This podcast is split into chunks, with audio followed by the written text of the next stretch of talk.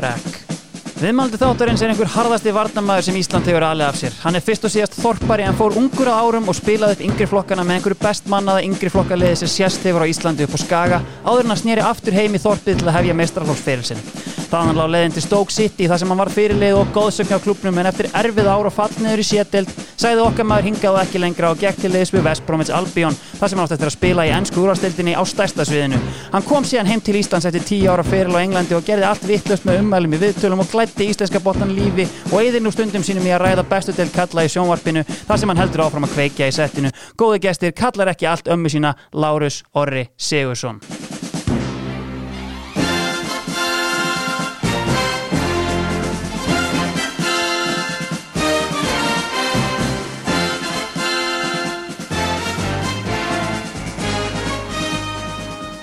Blessaður Lárus.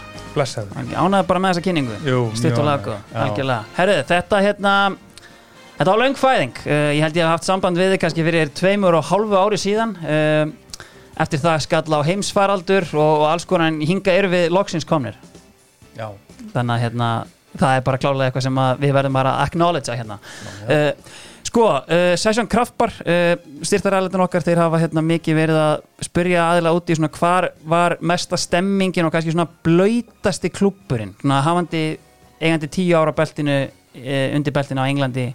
Ég get rétt ímynda mér að menn hafa ekki kallað allt um mig svona þar.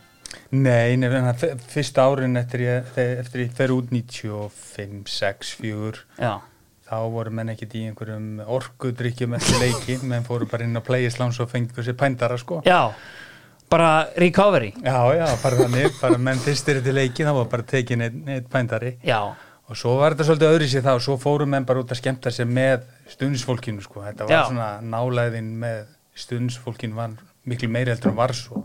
Þú ert þarna í tíu ár, eh, cirka, 94 til 2004 ish. Þú veist, sérðu, nærðu því að sjá gríðarlegar breytingar eða er þetta ennþá svolítið svona sukk þegar þú ert að klára þarna? Nei, já, ég fer í gegnum alveg gríðalega breytingar á þessu öll saman. Já, Ef ég tek bara svona augljós dæmi, já, hvernig við ferðumst í leiki og annað slíkt. Þegar ég kem hana fyrst, þá erum við bara í venjulegum rútum mhm, og þetta er ekki líi eftir leiki, þá var stoppað á næsta fish and chips já, joint, sko, sem fundi og svo var bara komið með pappakassa inn í rútuna Já. með fish and chips í dablöðum.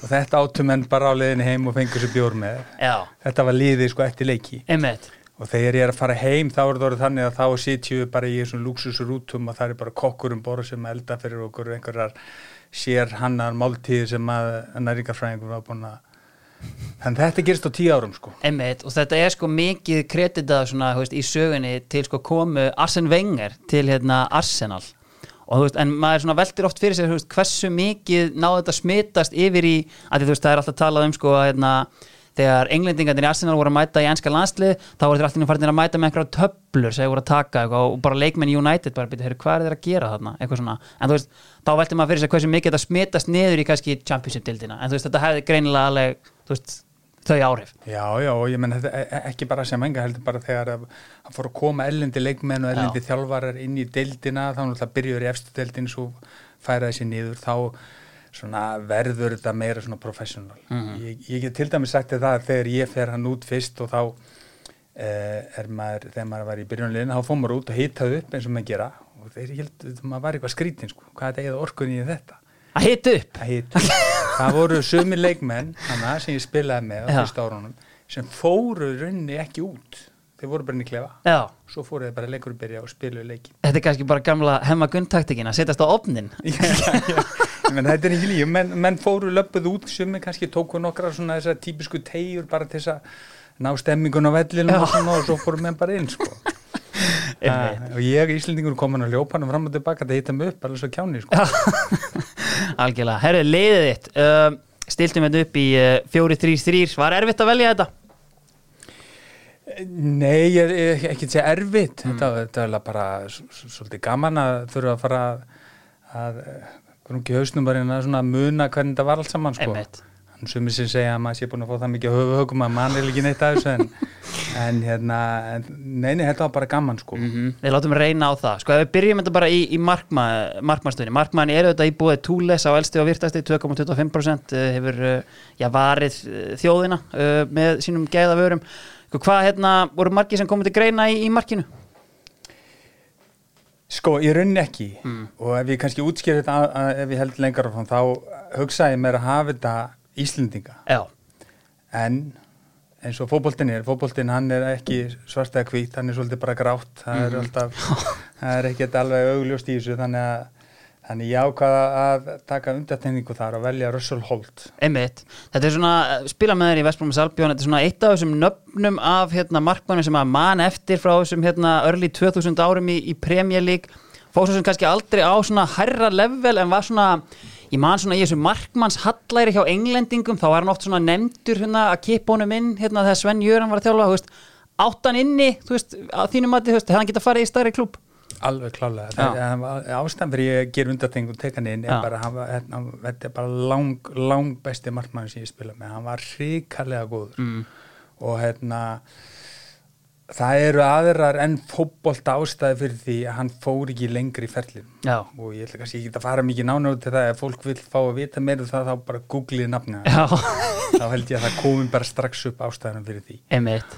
Og hann er náttúrulega kannski eins og markmenn eru flestir það er svolítið léttur og glaður eins og kannski fólk á eftir að sjá ef það googla nafni hans. en se, ef við tökum að bara fótbolta hæfileikana sem markmaður þá er hann svona akkurat eins og ég vil hafa markmenn. Hann, hann, er, hann er mjög stór mikill maður svona og, og kemur í krossana og ef hann sko, ef þú ert eitthvað að þvælast fyrir hún í krossunum þá tekur hann bara og jarðar þig líka.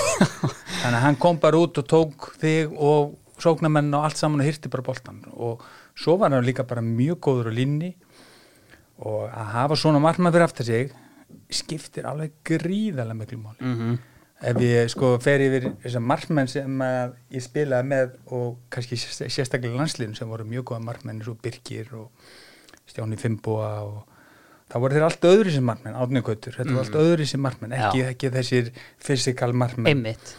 Og það er mjög lítið um íslenska svona stóra mikla powerful markmenn ne Það- nema Óli gott. Einmitt, það er einmitt svona, veist, þetta hefur verið í umræðinni kannski aðeins, að þú veist, markmenn úst, út í heimi og annars staðar er svona oft svona hálf geðveikir og, og svona, svona gýraðir gæjar, að við erum með, veist, kvikmyndaleikstjóra, uh, Birki Kristinsson, einhvern mesta öðling sem þú finnur og veist, Stjána Fimboa einhvern veginn sem að, veist, þetta er ekki, við erum ekki með blúprintið einhvern veginn að heimsmarkmanninum verðist vera, sko. Nei, nei þetta, er, að, þetta er aðeins öðru sig og ég menna ég spilaði alveg hellingar landslíkjum með hann Birki og hann alveg já, góður markmaður og hann er öðlingur sko, það- og, mjög fýtt spilari sko, en, en, en ekki svona það þægilega að hafa svona típu fyrir aftæði sem veist að kemur og tekur bara boltan ef að krossan er eitthvað þvælast ofan nálat markinu sko. það er alveg rosalega hæfileg að hafa. En einmitt, þú nefnir hérna Óla Gott, veist, sem er náttúrulega bara svona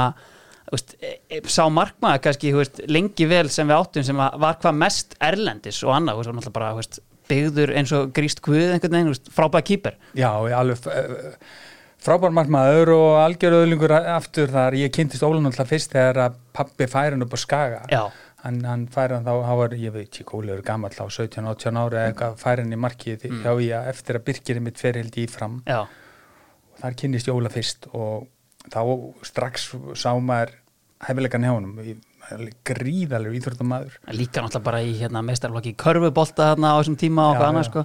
og hann hefði getað náð miklu miklu lengur en hann náttúrulega hafði sinn djöfulega dræg eins og, eins og svo margir sko Já, já. Og, og hérna en hann kom, kom meðal hans til mín út til Stók og var með okkur um, um tíma og reynslu þar og mjög skemmtileg tímar en, en, hann, hann var mjög góð margmaður, hefði getað orðið enn betri náð enn lengra en Óli. Algjörlega, sko, talar um með þessa stóru markmenn og ég er hérna með sko á blaði tvo vel stóra, sko, Big Brian Jensen. Uh, er það hérna kannski ekki sá móbílasti en, en það var vel harður, gæi? Nei, hann var ekki tarfu sko. Gentle Giant, kannski. Já, hann má alveg segja sko. Ok.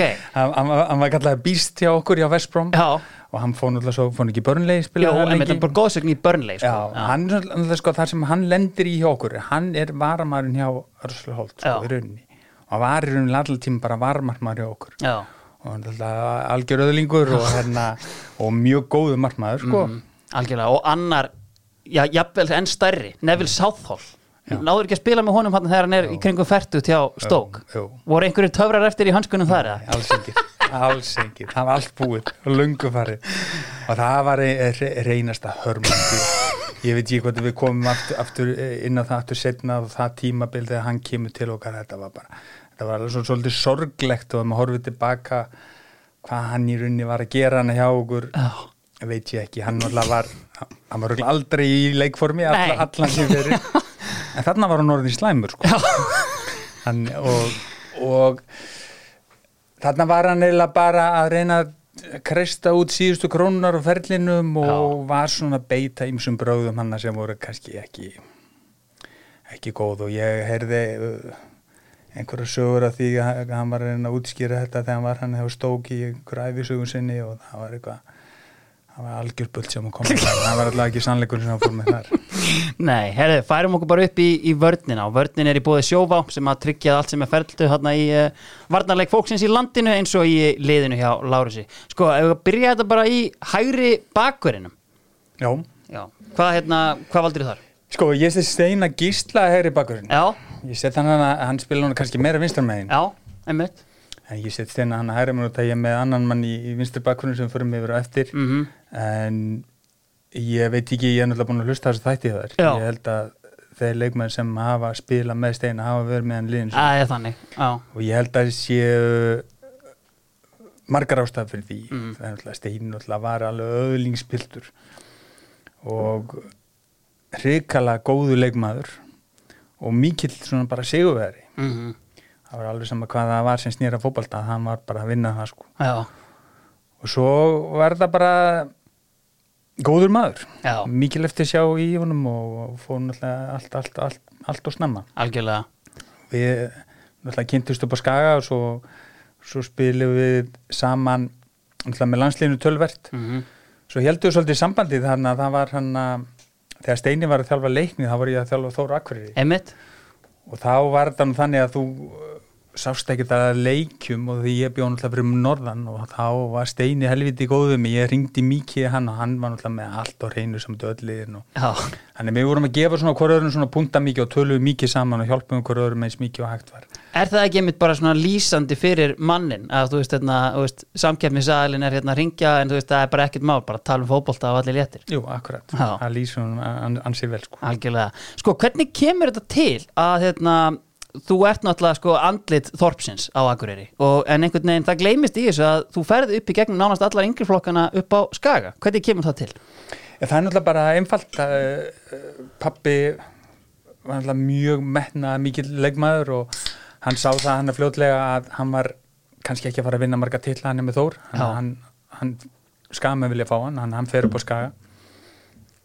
Þá gerðu stílandi þannig í, í, í þá tíð að þeir hjálpu honum með þenni íbúð og svo bara var hann búin velkominn og það var ekkert meira að gera sko Nei. og við fórum 79 það var ég eitthvað 6 ára gammal þá fórum við upp á skaga og ég var í rétt tæp 11 ára upp á skaga Og þetta er náttúrulega algjörlega rugglað lið sem kemur hérna inn í, í yngri flokkunum. Þetta eru Arna Gunnlaugs, Bjarki Gunnlaugs, Þóruður Guðjóns, uh, Teatur Herfarsson. Þetta eru bara svona þeir allra bestu.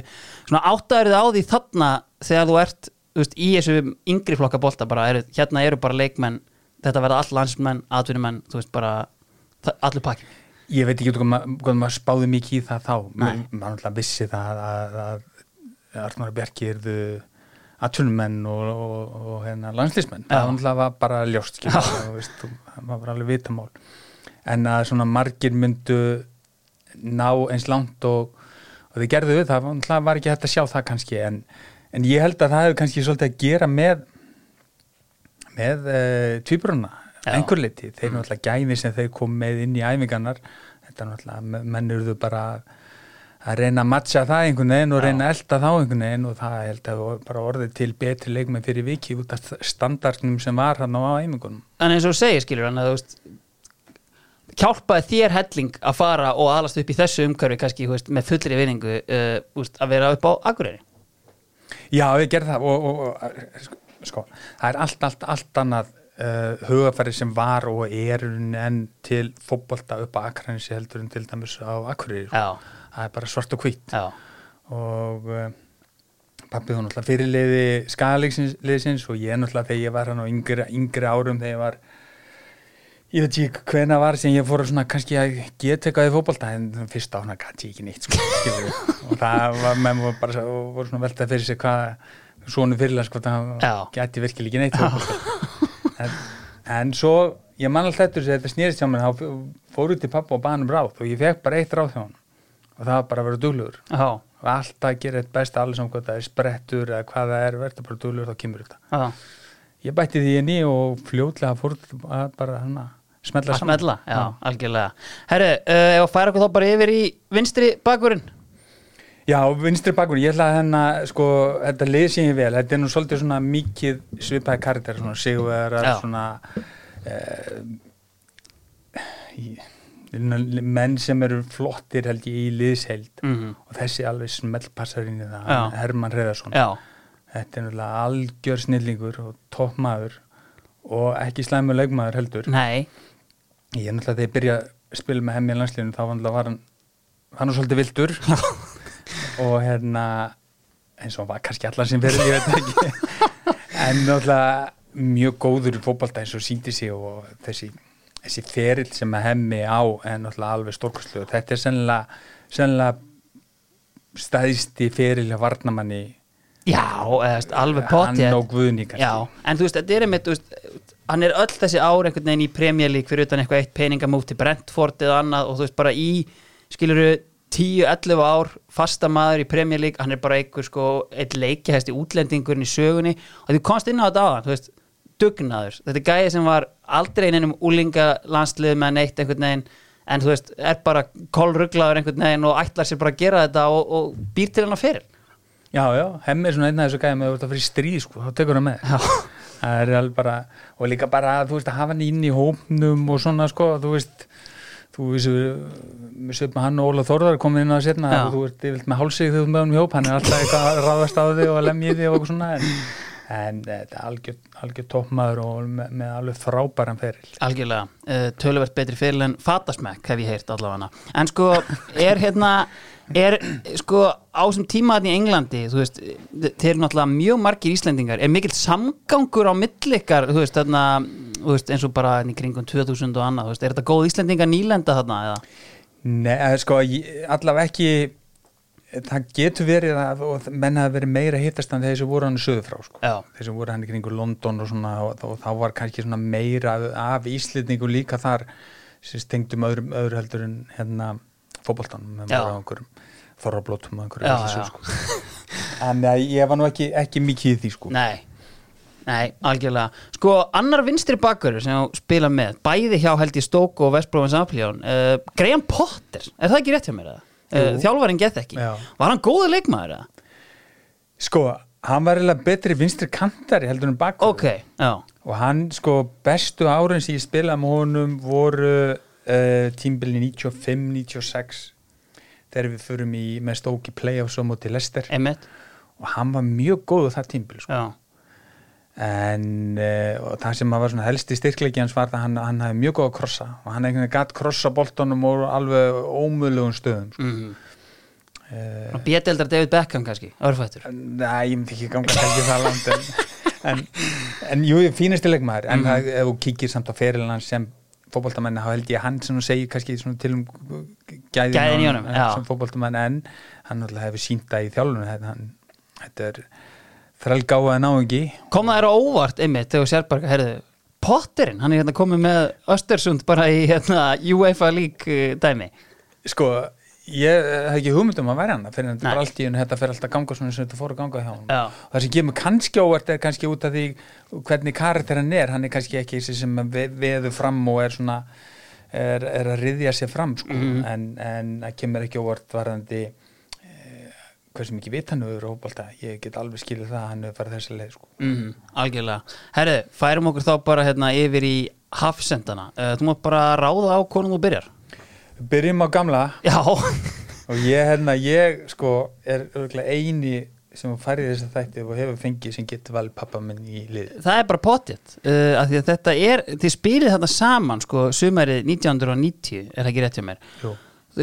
Ég held þetta sé bara eina skipti sem feðgar hafi spilað, þú veist, allan í nútíma knatspinni í, íslenskum bolta, í efstu deild allan Já, ég held, að sé enginn annan það verður þá bara einhver að Leiðrétta það. senda þær með ég held að við sjöum einu. En hvernig er að spila, sko, í fyrsta lagi bara inn á vellinum, þú veist, er bara, þú veist, pappi, neðar, er þetta, er svo surrealist einhvern veginn. Já, en sko ég, ég man ekki hvað við náum mörgum leikjum það var ykkur 7-8 leikir eða eitthvað sem við náum saman Þetta var eiginlega bara eðlett, þetta er einhvern veginn, að ég veit ekki þó þetta sé mjög óeðlett, þá var þetta sem bara eðlett við náttúrulega vorum á æfingum saman. Mm Pappi á þessu tímbili við, við flytjum alltaf norður, þá var hann búin að þjálfa skanildi í tvö ára og var hættur að spila. Já, og varinn hann að spila í síðust árun sín á gjössanlega ónýtunni. Mm. og hann skar sér alveg niður kallina í ekki neitt sko og, og kom sér í flott form og, og spilaði bara fínt hann að fyrirluta tímbilsins og ég gleymi aldrei þessum degi sem að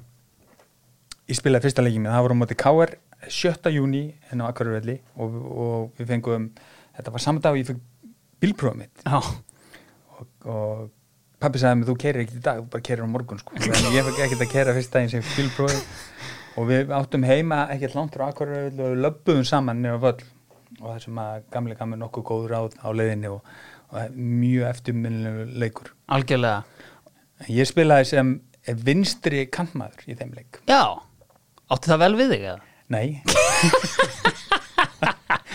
Það, það öðlaðist þannig að Móli Sigurðurli Kristján fekk blóðið trunni í tanna eins og honum einu Já. og ég var kallaðar hann inn og Já, einmitt. Og þetta tímabil þarna 1990, þannig að fariði feðgarnir rauninni aftur í þorpið, Homecoming of Kings, og sko, veist, blundaði ekki dýr að vera bara áfram upp á skaga? Nei, ég var alveg einhvern veginn til að prófa okkur nýtt sko, ég með þess að flutti held ég einhverju sex mánuðum undan fjölskyldunni sko. Já. þannig ég var alveg tilbúin að prófa okkur nýtt sko, og, en þetta var samt sko Æ, maður var svo rugglaður á þessu tíma sko, maður held að maður geti sigur að heimi bara einn og stuttur sko. Já. og svo kom ég hann í Þór og, og þá var Luka Kostits að að- að þjálfa. Og honum leist ekki á mig held ég sko. Hann, hann, ég kom hann sem einhver, held ég held ég var einhver poppari sko með úlingalandsleiki og annars slíkt Já. og, og hann setti mig bara í annar flokki ég fekk ekki það með meistarflokki sko en hvernig svona, einmitt, veist, kemur inn á, Luka er hérna komin til landsins og er að þjálfa á Akureyri, góð kynna af honum? já, já, alveg hörku þjálfari mm. en þe- þetta var samt mjög erfið tímbil fyrir hann Já. við erum alltaf föllum þetta á sko og ég, þetta, hann, það var í fyrsta árið sem hann þjálfaði ég held að hann er ekkert sofið allt tímbil sko. hann, hann bara hafði virkilega áhugjur af þessu öllu saman og maður sá það bara á honum að þetta, þetta fekk mjög mikið á hann hann Já. hafði ekki mikla reynslu sem þjálfari hann hafði gríðalega þekkingu Já. en hann kannski var erfitt fyrir hann að koma því frá sér því þetta tók svo á hann og, og gekk illa Já, en bara leikmaðurinn Luka Kostits, geggjaður það? alveg frábær, Já. hann var alveg geggjaður leikmann, Já. en hann alltaf var þetta ár var hann svolítið líka mikið í meðslum Mhm. mm. kannski skilinlegt ef að álægi er svona mikið á honum, hann er ekki hann er ekki svefni eins og að líka með gefið aðeins, sko, hann en þetta var, þetta var uh, mjög áhugaverð tímbil, það ég var hann að fastur í öðru flokki og svo var settur á æfingaleikur þarna í byrjun júni það er rétt fyrir hann að fyrsta leiksin það sem meistarlóku spila á móti flokki og þá og stiltu þeir upp sínu lið og þá var fremstur flokki hann Bjarni Einmitt, uh, það er svo mikli markaskorrari kongurinn, já. Og hann hérna ég spila mot honum í þessum afgæleik og ég gerði ekkit annað í þessar 60 mínútur heldur en sparki hann. Og hann bara vældi og skjældi og alveg brjálaði út í mig sko. og svo þegar ég kem inn í klefan fyrir hennar leikum á KR og þegar byrjunliði tilkynnt inn í klefan þá sé ég það þegar Bjarni Sveinbjörns er beint í Luka Kostits og hvað djöðlinn það er því að vera með hennar drengi sko. hvað hann sé að fara að gera sko. þegar hann bara tappa þessu leik Æ, æ, æ. En hvernig er þessu, síðan hérna, 91 þá eru þið í hérna, annari deildinni eða bjödeldinni uh, þið farið upp þar er það ekki með skaganum veist, og bara þannig ertu vantalega bara orðin fasta maður í liðinu, eða hvað? Já, ég spila á miðinu hennar Mhm. spila held ég nánast alla leiki held ég uh, held að pappi hann alltaf fann að þjálfa ég, já. þannig að ég held ég teki út eitthvað eitt leikbanni svo og svona en restina leik, leikjónu náði ég. Og ég held við höfum farið upp á markatölum Já, ég held við höfum eh, verið fyrir ofan Grindavík. Já, ef maður gæti rétt á. passað Skæin hann fer uh, vinna deildina með þarna, hú veist. Og einmitt að mæta Skæin hann þá þínu gamlu félagar einhvern veginn.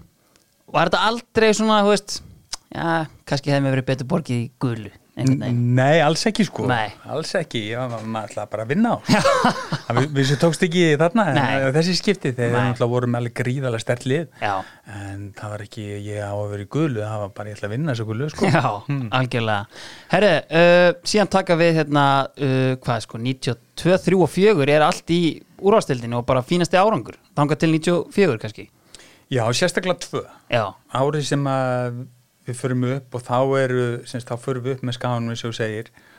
Og þá erum við í rauninni í baráttu við skagan og eða, hvort það var ekki val eða káer, nei káer já.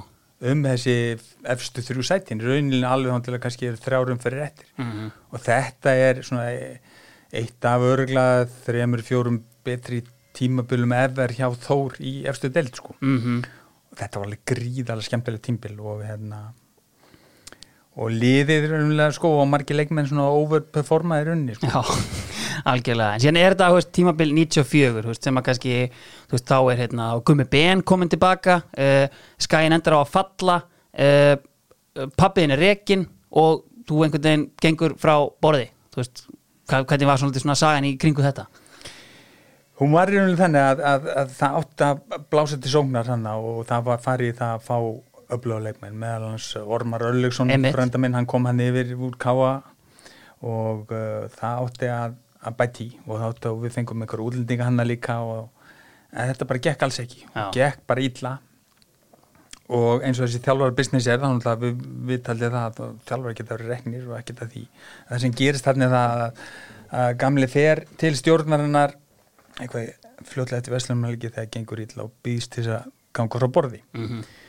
Og þannig nei, stuðningunum við þig og þú klárar þetta bara. Já, en svo er hann látið fara hann að bara held að sé einhverju þrem leikjum að fyrir lókin þegar við erum kannski í rauninni fallin já, og það var svona rauninni hvernig þeir gerðu þetta sem var þessu valdandi. Ég fór bara til pappa og sagði að ég er ekki að fara að spila leikir meira sko. mm og svo er líka annað í þessu sko, sem er, er það. að þetta er okkar klúburinn sko. þetta er klúburinn hans pappa, þetta er klúburinn minn og það er alltaf meiri tilfinningar í svona hlutum þegar, þegar heimmennur annars vegar. Algjörlega.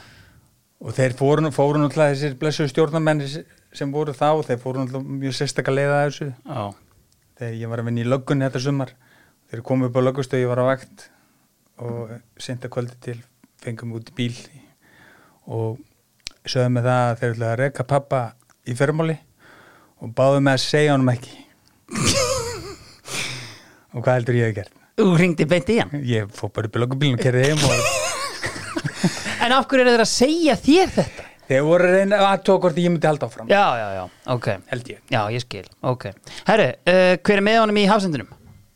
Sko, ég valdi Guðnubergs Já, Ég valdi Gunnar Bergs, ég eða langar að velja bara tvo hann, hann eða hann Eyjólf, Sverris Eyjólf Já, Sverris. Þetta voru strákar sem ég spilaði með í landsliðinu báðir alveg frábæri hafsendar. En ég, ég valdi Gunnar Bergs umfram Eyjólf, sérstaklega hann spilaði í Englandi eins og ég og við spilum leikja mútu hver öðrum í Englandi og svona og hann, eh, hann er Gunni var fyrir valinu. og Guðni einhvern veginn bara, veist, í Bolton náttúrulega bara einhvers konar stopnun næstu því bara, þú veist, þetta er bara svona veist, að að við tölum um ferla og annað, þú veist, bara svona leiðilegt einhvern veginn að sjá hvernig Bolton er í dag sko, en þú veist, það er sennilega fáir sem eru á jafn háum stalli í einum klúbbi eins og Guðni hjá Bolton Já, já, hann er alltaf algjörð legend hann á það alveg alveg skilið og og var alveg ríkala flottur hann og náttúrulega náttúrulega fer fyrst út til Tottenham og er náttúrulega, það er ekkert smá múf að komast þangað. Já, en svo all, allur hans ferill bara hann út er alveg stórglæsilur algjörlega. Og Guðni er líka bara mjög solid og flottur og fljótur leggmaður og, og toppmaður. Hvernig er þetta, veist, þegar þið eruð í landsliðin á þessum árum að Guðni er í, í sinni frægu útlegð einhvern veginn, veist, hugsuðu þið aldrei það væri nú helviti fínt að hafa hann hérna? Æ, ég, ég, ég, ég veit ekki. Ég, þetta var nei, voru ekki bara að hugsa um að vinna leiki í rauninni sko þetta var leiðileg hvernig það fór allt saman. Já, en, en þetta á þessum árum var það náttúrulega kannski kemur inn á það aftur og eftir um, með landsliði en á þessum árum það var náttúrulega algjör skandal hvernig var komið fram í leikmenn. Já, einmitt. Og það er umlega það Guðin er að standa upp fyrir því, ge- gegn því í runni sem verður svolítið hann er hann er, hann er látið fara. Einmitt, algjörlega. Sko við förum þá bara aftur yfir í fyrirlin sko, veist, uh, falli hann á 94 uh, þú hættir hvernig kemur það svo til einhvern veginn að maður fer úr falliði þórs bara í stók Þa, það kemur þannig til að þetta er náttúrulega, ég hætti hana fyrr hjá, hjá Þór og þá þurfti ég að halda einhvern veginn og þegar það voru uh, 21 landsleikir.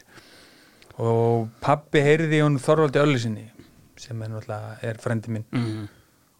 og uh, tjekka hvort það get ekki fengið að koma og vera hann einhvern. Er ekkert friksjón í því að veist, út með andlit þorpsins og andlit brekkunar hann einhvern veginn bara í sömu fjölskyldin Jú, já, það er Nei, það er sko, sko ég- ætti mín er þannig að önnur ætti mín semst pappa ætt, pappa, afi, Lárus, hann er náttúrulega bara er fættur hann í þorpunu bara, hann er, hann er fættur í holti bara rétt fyrir hún bótina, þetta er bara eins og mikil þorpar og holtir svo tek, uh, mömmu ætt, hún er ofan á brekku og þar eru uh, bara hörðustu kámenni sko. Já, hérna hér. Þetta er bara Rómeo og Júlía þetta er bara, bland En hérna, ok, þú kemur hérna uh, einmitt fyrir tilstilli hérna uh, Þorvaldar, er er Joe Jordan að þjálfa þarna, er Luma Kari Lúmakari, Joe Jordan ný farin held ég og Lúmakari að mettur og sagði sem, var- sem var kannski ágætt, ég náttúrulega var kannski svona típa fyrir Lúmakari Já. sko. og ég átt að vera hann held ég í viku. Mm og svo baði hann mig að vera viku lengur og ég held ég enda að vera einhverja þrjári að fjóra viku sko, hann á úti og sem enda með því að þeir hafa áhuga og hafa eitthvað samband við Þór og segist alltaf að hafa samband því ég segi bara, ég get ekki verið lengur, ég annað hvort verið að fara bara að hætti skólanum og koma hann út og spila fyrir ykkur eða ég verið að fara að drýma í skólanum. Já, og ég fyrir hættur heim og svo líða einhverjir einn eða tveir mánuð þá til þeir gera tilbúð mm. og þá fer ég hættur út. Já, þá náttúrulega ertu, þá er bossmann ekki komin þannig að þeir þurfa að díla við Þór um að, um að fá þig Já. Já, um sko á þessum tíma þetta, sko, bossmann er ekki komið inn Nei. og það sem er að breytast er, er það er að opnast fyrir þú þarft ekki atvinnulefi mm. á þessum tíma eru kannski 10, 11, kannski 12 íslenskir í fótbolta Einmitt það er ekki 50, 60 eða hvað er 100 eða hvað er núna Mhm. þannig að þetta var, þetta var allt öðru sko. Já, og um, og þetta var uh, þessi tími hann sem leið hann frá því ég var á træl hjá þeim og þangað til að þeir gerðu tilbúið hann var, var hansi langur. Maður veisir hún ekkert hvað var að gerast en á endunum þá náði náðist hann á milli félagana mm. algjörlega. Sko þessi fyrstu ár eru mjög fín undir hérna, stjórn Luma Kari uh, Þú veist, hérna, þú bara spilar alla leiki einhvern veginn frá því þú mætir Þarna eru Paul Pescisolito og gammurinn Mike Sheron upp á topp raðandi inn sig hvort árið einhvern veginn Þið farið í playoffsið, þetta hefur bara vendalega verið gjössanlega frábær tími já þetta var mjög gaman ég, ég, ég sko ég í fyrir lið er að byrja að spila upp úr áramót Já. minn mig Kemur í, þú veist, ágúst Nei, De desember er það sem ég skrif sko, ég skrif undir einhvern tján í kringu 10. desember mm. En ég spilaði eitt leik áður en ég skrif undir. Ok, og það var þannig að ég er mættur núti og ég er, er sérst, það er búið að uh, gera samningum allir liðana en ég er ekki búið að gera, það er ekki búið að tala um mig og minn samning. Mm. og þeir eru að liði aðlið er að fara að spila postmót útöðli og ég, ég beði hann að koma með. Og ég fyrir bara með er bara með liðinu hana Já. fæm bara góða morgaverð og svo er bara að fara inn í klefa fyrir leik og eins og vennilega þá er liðið bara tilkynnt þreim korturum fyrir leik og þá er ég alltaf inn í byrjunlegin og ég held ennþá daginn dag ég held sétilega að segja frá því núna Já. ég held að ég hef ekki verið lögluð ég var sko í Þór þegar ég spilaði hennan leik hann á, á móti Porsmóð í ennsku bjöldildi já, þannig ég var, ég var samnýslaus og allslaus já.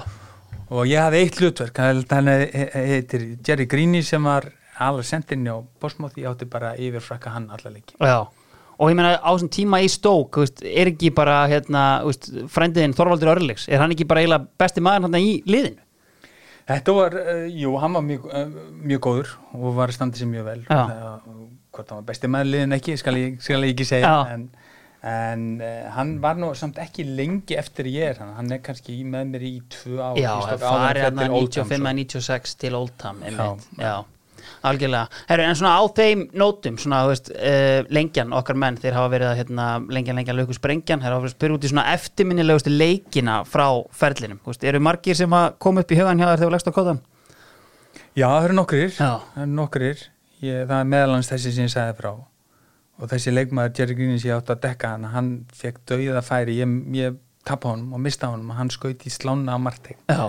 Og ég stundum hugsað tilbaka hefði hann skorað Hvort að samningslausi leikmaðurinn að það það hefði verið næsta flug heim sko. en það gerist ekki. Mm. þessi leikur er náttúrulega einn af svona vendipunkts leik, leikjum í mínu ferli, ég spilaði hann leik mjög vel. Mhm, og strax eftir þennan leik þá var sest niður og samningu var gerður. Mhm. Svo erum við að spila hann ári eftir manni eftir einu leik og það er sennilega eina skipti á ferlinu sem ég verð svona virkilega svona starströkt þá erum við að spila mútið Chelsea. Já, og þá er, er ég að spila mútið Rút gúlit, já. Og þá er bara tveim árum áður eitthvað, þá var satt maður heim í stofum með pappa og horfa á Asi Milan sko. Já, og þarna var ég mættur og dekkan í hodni sko. og það var svona svona svolítið reality check að maður gerir sig grein fyrir hvert maður var komin í rauninni sko. Þið mitt út bara talandi um hennan góða tíma. Ég meina þið sláuð Chelsea út eða ekki í dildabekkan Jú, Jú. yfir tvo leiki. Já. Það held ég að 0-0 og 1-0 Já, hvernig var stemmingin á Victoria Ground þarna þetta kvöld? Hún var geggjuð sko. Það var alveg geggja völlur sko. Já. og það var það eins og þetta átt að vera hérna það var stóðum menn bara sko. Það var engin, engin sætu geta veist Nei.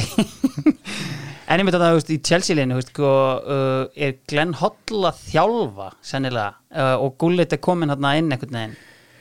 Ég man nú ekki hver er að þjálfa. Nei. og man nú ekki hvaða stjörnur voru komnar í þetta lið þá. Já. en ég man bara þeir eru að byrja að koma hana. Ég man ekki hvort að við allir var, ég man það ekki það má koma inn en Gullit var allavega hana og veist, var þetta bara svona, veist, þarna er hann náttúrulega veist, að klára fyrirlin einhvern veginn, en var þetta bara svona, veist, different class einhvern veginn inn á vellinum? Já, og, þú veist, eh, mun starri en ég held að hann væri Já. Ég hef sem segi, ég lendi að dekka hann í hótunum sko. Hann alveg haushærri ég og bara, þú veist, bara flottu leikmaður sko algjörlega. Herri, uh, ef við færum okkur bara upp á miðjuna, og miðjan er þetta bóði sjóvá, þeir bestu í tryggingunum og halda okkur einhvern veginn öllum á miðjunni í lífinu, sjó, wow. Sko, uh, hvar viltu byrja þetta bara? Hvað, hérna, þú má bara ráða hvað þú byrjar hérna á miðjunni. Erum byrjum á Sigga Jóns Já, endilega. Sko, hérna Siggi Jóns er sennilega besti íslenski leikmaður sem ég spilaði með Já, Hann var, var alveg geggjað fótboltamaður mhm, og líka bara sko, leiðtói kannski svona öðru sér leiðtói heldur um, þú veist, hann kannski ekki öskrand og gargandi endalist a- allan leikinn en hann kannski svona bara helst á dómaran þá, en já, ekki á, já, já, kom, kom fyrir annars lagi sko, en hann svona þessi leiki sem ég spilaði með landsliðinu þá hann, hann leiti bara með því sem hann gerði sko, maður, svona, maður bara mikla virðingu fyrir hún sigga og hérna hann var svona hann eh, svona leiti liði bara með því að vera þessi leikmaður sem hann var Já. í runni og meiri segja sko þegar þú spila með honum þá er hann búinn að vera í Arsenal eðurlega á sér lappirnar Sheffield Wednesday bara í hérna First Division bara ennsku dildin einhvern veginn en veist komin heim en samt bara ennþá eitt besti leikmaður landslisins Já, já, og sko ég spilaði hann líka með hann spilaði með mér sem hafsend einhverju leiki líka Einmitt. Og við erum náttúrulega mikið búin að tala um það í umfjöllum hérna á Íslandi um það að nota ekki miðumenn sem hafsenda. Já, og ég eins og við tölum um á þá er ekkert svarta kvitt í fótbolta, það er allt bara grátt sko. En einhvern milli vegur á þessu og það er talað um að miðjumenn get ekki spila hafsend. Já, þetta er besti hafsend sem ég spila með og það er miðjumenn sko. Skilur, svona er þetta og, hérna, og Siggi líka er bara veist, Siggi var líka bara töffari sko. Já hann var bara töffari sko. og þú bara barst bara virðingu fyrir honum og hann hafði bara svona áru yfir leiðtóa í rauninni sko. og líka kannski, þú veist, einhvern veginn þú veist, nú sá ég hann alltaf ekkert mikið spila sko, en þú veist, svona öðrísi einhvern veginn heldur en aðrir þú veist, ég meina, hann fekk boltan, hann pingaði honum diagonalt, þú veist, 70 metra yfir völlin, skilur hann tók á mótunum, þú veist, bara fók kannski fram hjá einhverjum, bara, þú veist, svona þú veist, bara svona evrópskur einhvern veginn, já, hann var uh, sko, hann var hörkuvarnamaður. Já. hann var mjög góð skallamaður hann var þræl harður af sér og það var í návíum öðru slíku. En svo hafði hann hitt sko, hann er alveg frábær tækni frábæran bolta og geggjaða sendingar sko. mm. Þú veist, þetta er ekki slemmileg maður heldur betur ekki. Sko, síðan fer þetta reyndar að halla undan fæti þarna hjá Stók sko, ge- gengur Lúmakari út eða, hvað, hérna, hvað gerist þarna? Sko það sem gerist í rauninni sko, sko það, þetta, eins og þú talum um að þetta gekk mjög vel fyrstu tvö árin. Það var þetta, það mjög gaman sko. Og það gekk mjög vel og ég var að spila mjög vel, vel og var að fá artikli það sem gerir svo er það að svo hætti það að fá pening í leikmenn. Já, svo fara peningarnir að fara í annað. Þeir fara til þess að fara, það, fara í nýjan völl. Mm og allt í hennu er svo stagakomur upp og ég var, ég var veist, til dæmis eh, hafsendan í vörninni og var svona rauning, ég segi ekki hafsend nummer tvö en þú varst einhver með einhvern með þér sem var kannski að leiða með þér. Já, í það að þú ert orðin aðal kallin sko. Þannig er kannski er ég 24 ára gamall og það er allt í hennu að vera að leiða vörn í, í stóru bjelliteliði í Englandi. Og hvort það var 97 eða 8 sem ég er orðin, orðin sen, nei, en sennilega 96 þá er hann fyrirliðin sko. já, þetta gerði mér engan greiða persónulega sko, þetta var bara erfitt og, og og hafði áhrif á það hvernig ég spilaði. Mm. og að samanskapið þá hafði þetta áhrif náttúrulega á liðið því að peningarnir voru ekki endilega að fara í leikmenn. Mm. og ég held að það verið það sem gerði að verka með endur og Lúmakari hættir runni sko, ég held að hann vilja bara fá meiri, meiri peningi leikmenn held ég. Þetta er einmitt að fara, þarna eru þau sko hérna, félagið er að fara af Victoria Grand yfir á, á Britannia sem náttúrulega, veist, á þeim tíma kannski fyrir bjettildar og ta tala um sétildafélag, stór glæsilegu völlur einhvern veginn, en þú sé þetta í setni tíð með marga klúpa einhvern veginn. Þau halda að sér höndum þegar er verið að fara í svona framkvæmdin einhvern veginn, þú veist, var þetta umdelt til dæmis á meðan leikmann veginn, voru þið ekki bara sátti með Victoria völlin hann Já, það var þræl skemmtilegu völlur það var ekta ennsku völlur og svona, Mm. en, en þú veist aðstæðan var náttúrulega þú var ekkit glæslega sko þetta var mjög gamalt allt saman Já, þannig menn voru alveg sáttu að fara í nýjan völl og Já. spennti fyrir nýjan velli Mhm. en, en það er ekkit gaman að fara í nýjan völl og vinna, vinna enga leik sko og sérstaklega þú kemur í nýjan völl þá er, ertu í rauninni ekki með neitt heimavöll sko. þú, ert- þú ert bara á einhverju nýjum velli já, og þarf að fara að skapa í rauninni minningar þar og búa til heimavöll þar og þá er voru vond að vera að tapa bara leikim sko. Sko það kemur þarna maður á ákveðin tímanpunkti þegar allt er að leiðin í skrúina þarna Chris Kamara, er hann ekki að þjálfa þarna stóka á einhverjum tímanpunkti? Jú, hann, sko, þetta ár sem föllum, sem Já. 97-8 ári þá vorum við með þrjá frangvöldastjórn það ár Já, og það á miðju tímbil þar kemur einmitt hann Chris Kamara Já. hann er einhverju 16-17 leiki og hann vinnur ekki leik sko. nei, það, þetta var allt í tómurugli þarna einmitt á þessu tímbili er hann Neville Southall hana já, Paul Stewart kemur hérna sem var hérna hjá Tottenham Já. og þeirri liðum og uh, það var allt bara mjög slemt hana á þessu tímbili þetta er eini, eina tímbili á öllum mínum ferli þar sem ég svaf ekki út á fótbolta. Já, tókst Luka Kostið sá það ég bara tók lúka kostið það ég bara, þú veist ég var andvaka á nættinu og það var ekki bara það að við vorum að tapa leikjum ég þá að fyrir í liðsins hana, heldur stemmingin var mjög súr sko. Menn voru að slást á æfingu sko. þetta var, þú veist, það var olbóðskotin og það Já. voru sko eh, menn það var ekkert með opin lófa menn voru bara að láta menn finna fyrir hvernig annan sko. Þannig, þannig að það var stemmingin að fara í vinn og mótnana var ekkert, ekkert glæsileg sko. Þetta er sko súr stemming og, og allt það sko en ég hefði haldið að ef það þyrfti einhvern mann inn í súra stemmingu þá væri það Kami, Chris Kamara veist, e- þetta er náttúrulega einhver fyndnasti maður sem að ég hef séð í sjónvarpi þú veist, en er hann of mikil trúður til að þjálfa eða? Nei, hann, hann var hann, í, sko toppmaður, Já. eins og lýsir sko, er alg, algjör snillingur sko. En einhvern veginn þá þetta var náttúrulega ekkit grín að koma þannig inn sko. Og, og hann fekk ég pening til að kaupa eitt sendur og kefti eitt sendur sem að stólum um hvað hann heitir hann gekk, hann gatt ekkert sá strákriði sko.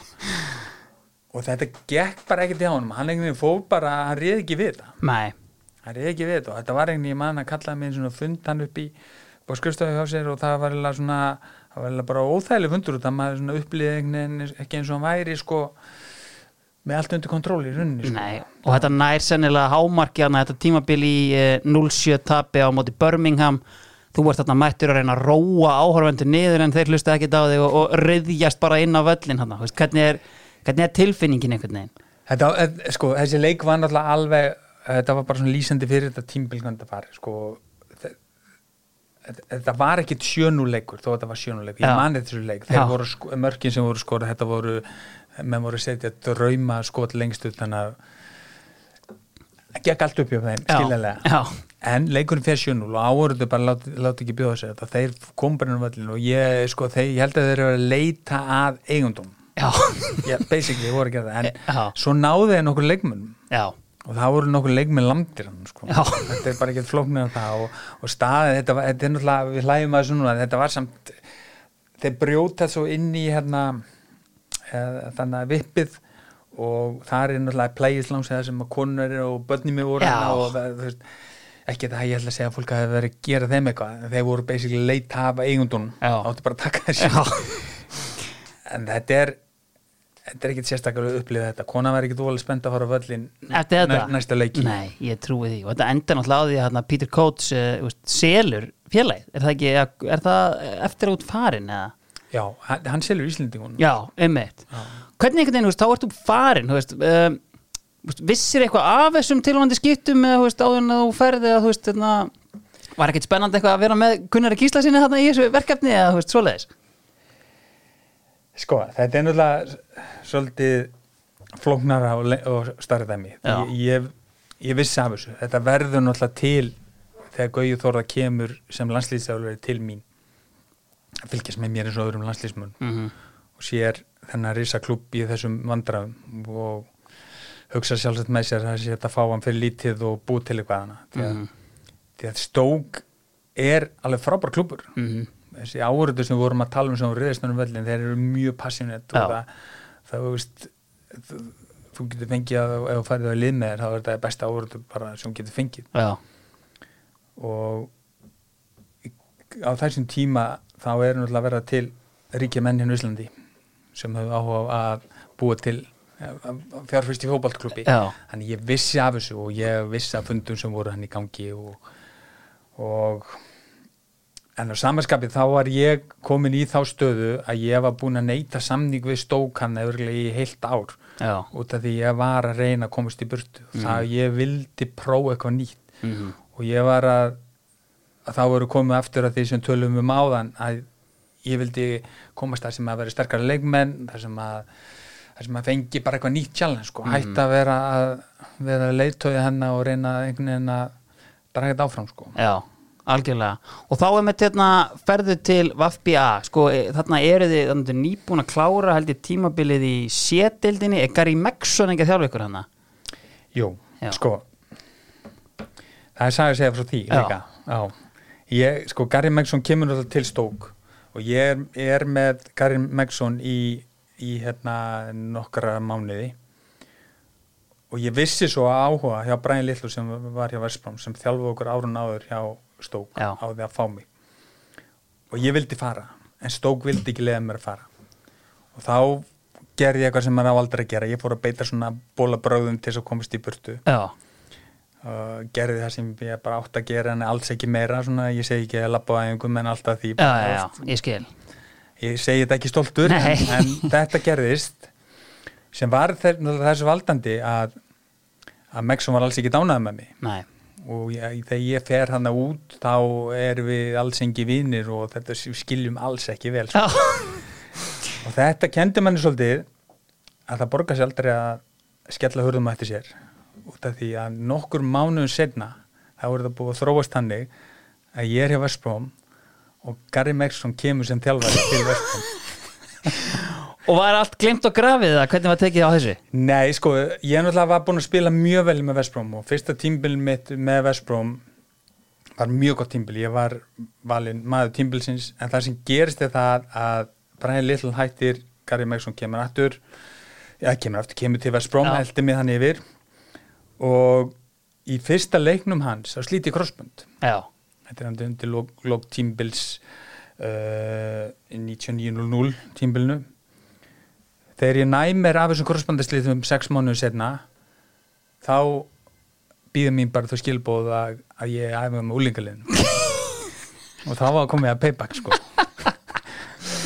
Þannig að ég eitti þarna eftir ég hafa búin að berist tilbaka uh, krossbandasliðum þá veit ég öruglega einhver um, ég man ég hvað var 6-7 mánuðum með úlingarlegin Já, og var ekkert á leiðin tilbaka sko. Já, þó ég hef verið leikmaður tímbilsins áruna undan það sem gerist er það svo að, að eigundun hjá Vestbróm segja við Gary Megson, hann fá ekki ping til að kaupa leikmenn nema að hann noti þennan leikmann hann úlingar já vantar hafsend, já, herra, ég er út með hann hérna í barnaliðinu. Og ég hann spilaði mér já, og það gekk vel. Mm.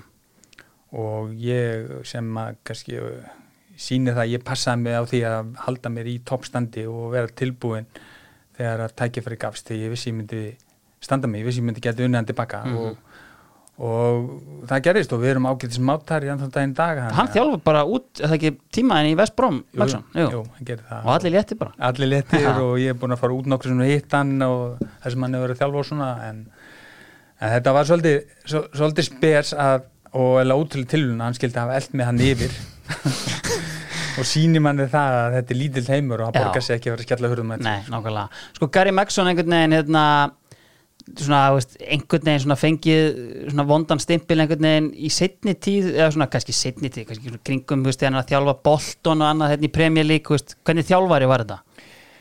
Sko það sem Gary Megson gerði vel var það að hann valdi svona réttu karakterina í þetta lið, þetta vestbrunlið sem fer hann upp sem, Já. að, svona, sem eh, brýtur þetta e, e, þetta tímbil hjá vestbrun sem komast aftur í peningana í úrústildinni sko. þetta er ekki einhver stjörnur, þetta er allt saman sem svipaða leikmenn og í rauninni urðu við sem lið miklu betra heldur en við vorum sem leikmenn skilur, okkur að menna við erum eiginlega að tala svona ég er ekki að líka okkur samu það ég er að tala um svipa konsept og kannski varð til með íslenska landslið Mm -hmm. sem var til miklu betra lið heldur en leikmennin individuali voru sko. Já. Og þannig var þetta þarna við og þetta var alveg hörku hörku lið. Mhm. hann valdi réttu karakterina hann kom okkur í hörku hörku form. En svo náttúrulega stóð hann á hliðlinu og ösknaði að garga alla leikin skilur og, og en, en einhvern veginn þá tókum menn því bara eins og það var sko. Já, menn voru ekkert að maður hlusta á það sem maður þurfti að hlusta á en annað ekki sko það er hérna miðjumæður sem spila með þarna uh, hvort það er fyrsti og kemur til Vestbrom uh, Enzo Maresca uh, síðan með leikmaður Juventus. Ég veit ekki hvað hann var að gera þarna í Vestbrom þessi albi, hann er verið bara 18-19 ára eða eitthvað, en þú veist hvað hérna þú veist, sástu þarna, veist, þessi, þessi er að fara að spila fyrir Juventus? Sko þegar ég kem til Vestbróm þá var þetta láð þetta í loftinu hann myndi vera, vera að fara, ég man ég náði kannski einhverjum 5-6 leikjum með honum. Þá var þetta, og þetta voru ykkur, ég hvort að fóru einhver 6 miljónum pundar sem var ansi mikið þá. Já, þeir voru tveir hana uh, ítalar, mm. ungi strákar. Uh, hinn var líka mjög fýtt sko en hann var mjög góður. Já, og ástæðan fyrir þeir voru hjá Vestbróm veit ég líki, hann var einhver umbásmann að dæmi sko, en, en hann var mjög góður og þetta, þetta ég sá náttúrulega ekki mikið á hann spilinu sem segi, spila bara kannski einhverju sex leiki með honum. Mhm. Og þetta múf lá einhvern veginn allan tíman í loftinu með ég var. Já, síðan náttúrulega annar hérna, uh, svo höldum áfram með Master United tenginguna, við tala um Luma Kari hérna, en þú veist, Ronnie Wallwork er náttúrulega gæði sem var hérna svona, þú veist, Ferguson gaf Ímsa Sjensa og annað hjá United, þú veist, hvernig var hann sem spilar hérna hjá West Brom? Sko, hann, hann spilaði bæði sem miðumæður og eitthvað spilaði hann sem hafsend. Hann, hann var bara, bara fýtt sko, hann var ekki alveg fram og skarði leikmaður, en hann, hann var bara fýtt hann var flotta sendingar uh, ágættiskraftur í honum svona, held sér til hlið svona ról, ról, róluðu gæi, þetta var ekki alveg stjórnuleg maður. Nei, en ég er kannski svona, þú veist, og þekktasta nafni þarna, uh, myndi ég segja væri kannski Jason Kumas hjá Versbróm, Já, já ok myndi þú segja eitthvað annað? nei, ég veit ekki, ég veit ekki. Hann, hann var mjög fýtt líka sko. Já, hann hafa alveg gríðalega spinnur. Einmitt. Rosalega spinnur. Já, en ég myndi ekki segja að þetta var einhver alveg klassaleg maður sko. Nei, gott að fá það á hrein Herri, hérna förum þá bara upp á hérna, hina miðjumennina. Aftur, má bara ráða hvað þú byrjar á. Ég ætla, ég ætla að taka, sko, ég ætla að taka Bjarka Gunnlaugs næst. Emmett, og ég er með Bjarka Gunnlaugsana sem fulltrúa þeirra ég gæti ekki haft að báða sko. nei, nei, Ha, heldur betur ekki. Já, og ég hérna uh, Bjarki kannski uh, var ekki með eins stóran fyrir og Arnar. Nei, hann svona bara pínu í skugganum Arnar ef maður má segja það. Ja, bara er kannski- allan sinn feril bara, veist, það er hringt, ég hef margóft talað um þetta. Það er sko, þeir fara náttúrulega all- alltaf saman þarna fyrstu árin og alltaf þegar moggin er eitthvað að taka stöðuna á, hvort sem það er bara á þeim eða þeim í sikvarlæg, þá er alltaf hringt í Arnar, það er bara staðan á Bjarka Gunnlaugsinni, já Arnar Gunnlaugsson var til tals, þetta er bara, hann eyðir hann er bara Kevin Eubanks einhvern veginn í skugga Arnars Gunnlaugssonar allan sinn fyrir Já, og Bjar, Bjarki var líka eh, svolítið öðru sér fótballtamaður Bjarki var náttúrulega meira á, á miðunni kannski og meira að búa til skoraði ekki eins mikið á mörgum varna tók ekki eins mikið glóri Mhm. en var alls ekki síri leikmaður. Mm. og ef ég er í neittu til þess að velja annan að tveim þeim inn í liði sem ég væri að spila með að þjálfa, þá myndi ég velja Bjarka Já, já, algjörlega. Mm, og þetta er kannski, þú veist, báðir náttúrulega ströggla með meðsli einhvern veginn, en þú veist, Bjarki Gunnlaugs er svona verða einn svona mesta það sem hefði geta orðið sagan, svona kannski í íslenskum fótbolta. Já, kannski, eh, hann náttúrulega hafði um, átti flottan fyrir svo sem Já, já. en, en, en en jú, jú, auðvitað hefur gamla, hefur ekki lendi í þessu mjadma vissinni og þessu mjadma meðsli er náttúrulega alveg skelvileg meðsli að lendi í og, og eh, en ég bara varð að hafa allavega annað þeirra inn í þessu liði þegar þeir eru náttúrulega eru stór hluti að mínum ferli í runni út af því að ég elst upp með þessum strákum. Mm og ég held að ég held að sé alveg augljóst ég hef ekki orðið eins góður varnamar ég var eða ekki þurft að glíma við þá upp alla já. Yngur Nei, nákvæmlega. Sko frá þessum tíma á Englandi, þú veist, eru margir leikmann sem svona standa upp úr að hafa spilað á móti, þú veist, ertu með einhver í haustinu sem bara svona, þú veist tormented bara, þú veist, Lára Sorri hérna, þú veist, eða einhvern veginn svona, veist, bara djöfitt var þessi erfiður, einhvern veginn? Henry er sennilega, sennilega erfiðast hann var alveg hrikalega erfitt að spila móti honum. Ég hérna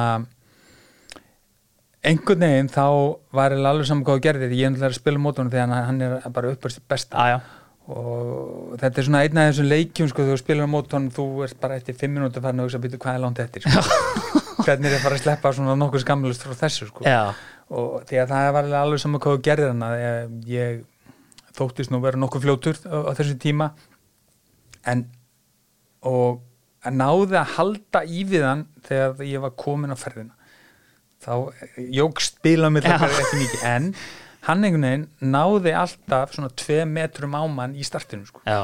hann var ríkali snerp í honum og það var alveg þú gerir og þú fórst alveg upp við hann þá bara rúlaði hann þér og var farin eða gafst honum svæði þá snýr hann bara að koma á því og þetta var, var alveg ill ómöld eiga við hann þessum árum. Já, og kannski veist þú veist, bara fyrsti maður sem poppar upp er, er Thierry Henry, einhver annar sem að, þú veist, einhvern Já, þú nefndir Dave Beckham á hann Já, Ég er svona var áður en ég spila á mótunum þá hugsa ég með, að, getur hann eitthvað þessi? Já, og svo ég spila hægra megin í hérna í vörðinu, við vorum með þryggjamanlíni á Vestbróm þannig að sko ég var að fá þess að krossa frá hann Já. og það var bara alveg martröð eiga við þetta sko. þetta var bara hver boltin að fætur og það erum alveg bara pinpoint boltar á spottið sko á leikmennina. og þetta var ekkit grín eiga við þetta sko.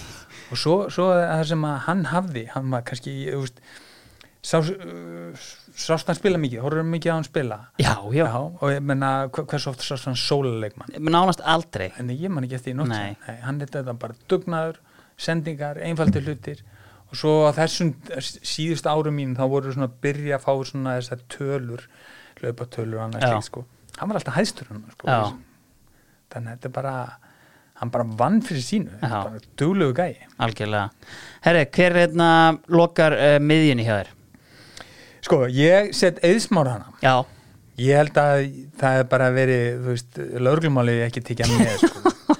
þó, að, þó að, sko, ég náttúrulega var að spila með hún meðsmára í landsliðin á þeim tíma sem hann er náttúrulega er Chelsea-Barcelona, sko. já, Og þó að, þó að kannski við vorum ekki ofta sjá Chelsea-Barcelona eðsmára með landsliðin á þessum tíma, mm, þá verður hann að vera hann inni bara út af hver- hvers konar leikmar hann var og fyrirlin sem hann hafði. mm Þú ert með svona einhvern veginn landslið, þú veist, það er haugur á leikmönnum einhvern veginn, veist, oft talað um það, veist, það er, leikmenn er að spila á háu leveli en þú veist, kannski með einn sem er áberandi á hæsta levelinu, er þetta svona er þetta skrítið einhvern veginn, þú veist, svona, þú veist, að því síðan ertu bara með leikmann FH, kannski líka í hópnum, þú veist, svona munurinn á gæðunum einhvern veginn, þú veist, fattar Ég- hvað er að fara? Já, ég gerði það. Ég held samt sko, sko metnaður hans eðis gagvart landsliðinu var alveg gríðalega mikill. Já, og þú veist, meirinn okkar flestra hann held ég sko. Mm.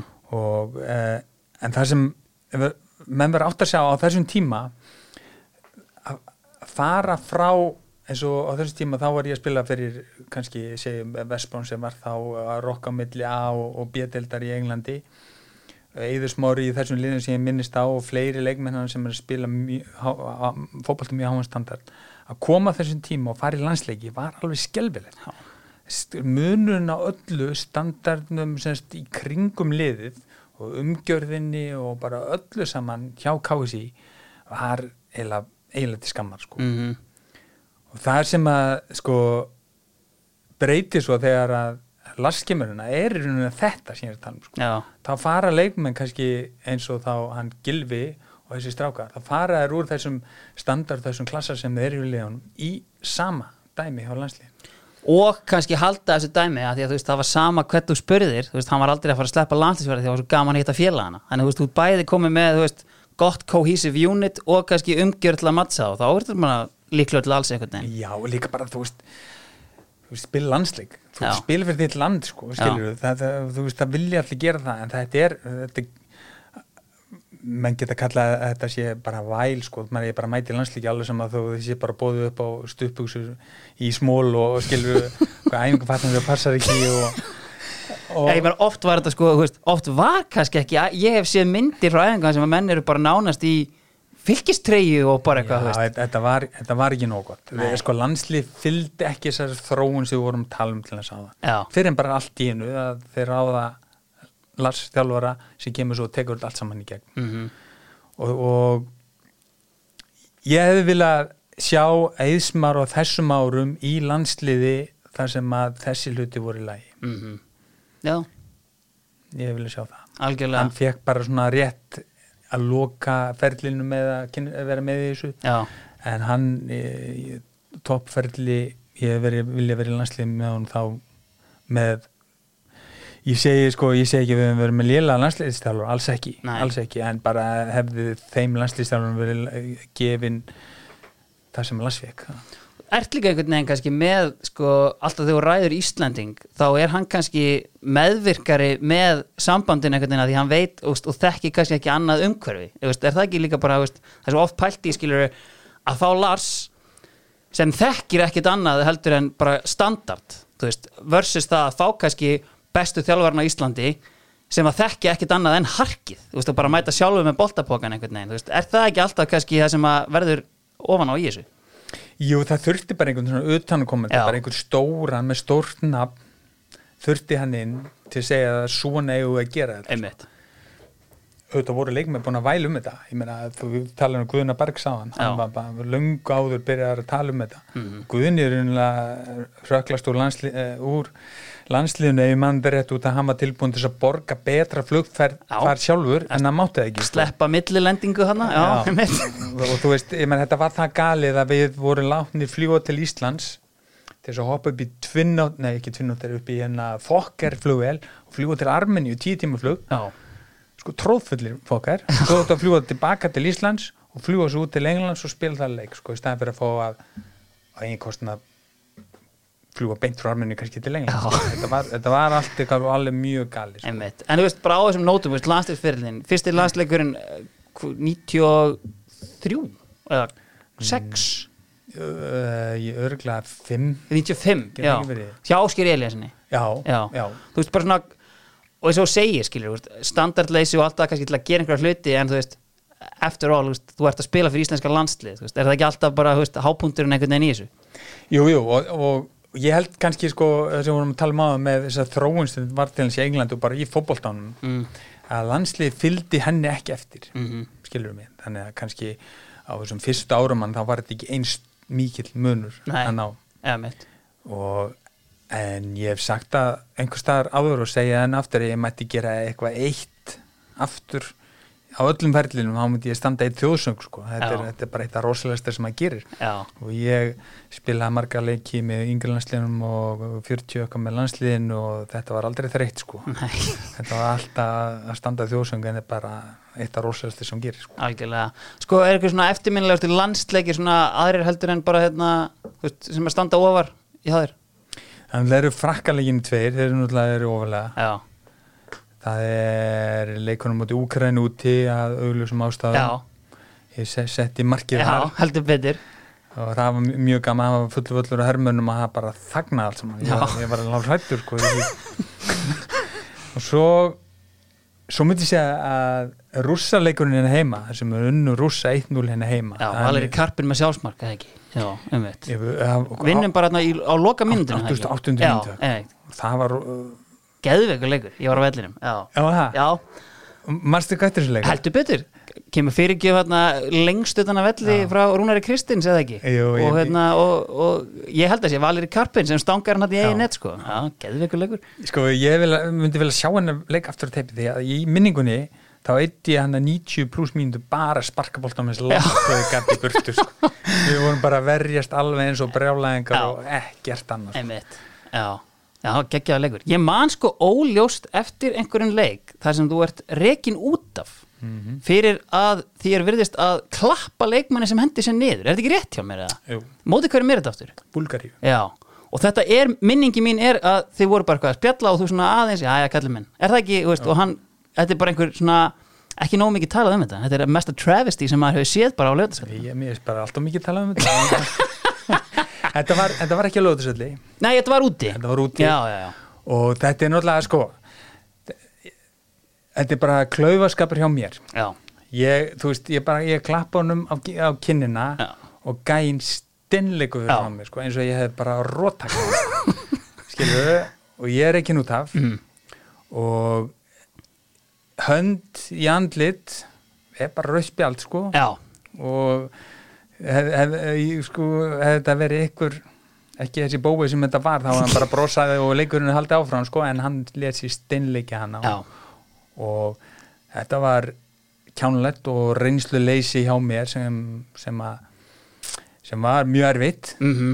Og mér var hu- hugsaði mitt um, minnast á þetta núna í akkurat þeim stormi sem er í gangi núna með sussið hans Kristals. Kristalsmanna að ég vorkind honum gríðarlega þegar hann labbaði hana til búnisklega eftir að vera reikin út af því ég vissi nákvæmlega veist, það- en, en samanskapið eins, eins og hjá mér það var þetta kjánulegt og þetta var reynsluleysi hjá mér það var mm bara sama hjá honum bara reynsluleysi.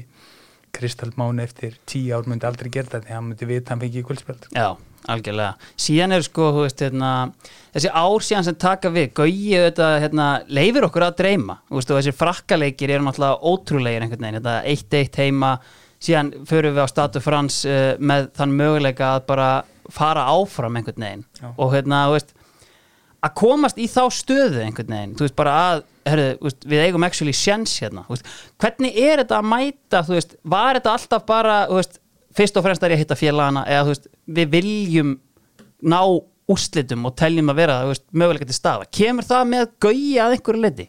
Nei, ég held að alla tíði, alla landsleiki þá ferði átti að vinna á sko. þetta er ekki bara að veist, me- meira svona skilur þú veist þetta er svo steikt einhvern veginn að þú ert með landslið og hann snýst bara um úrslit.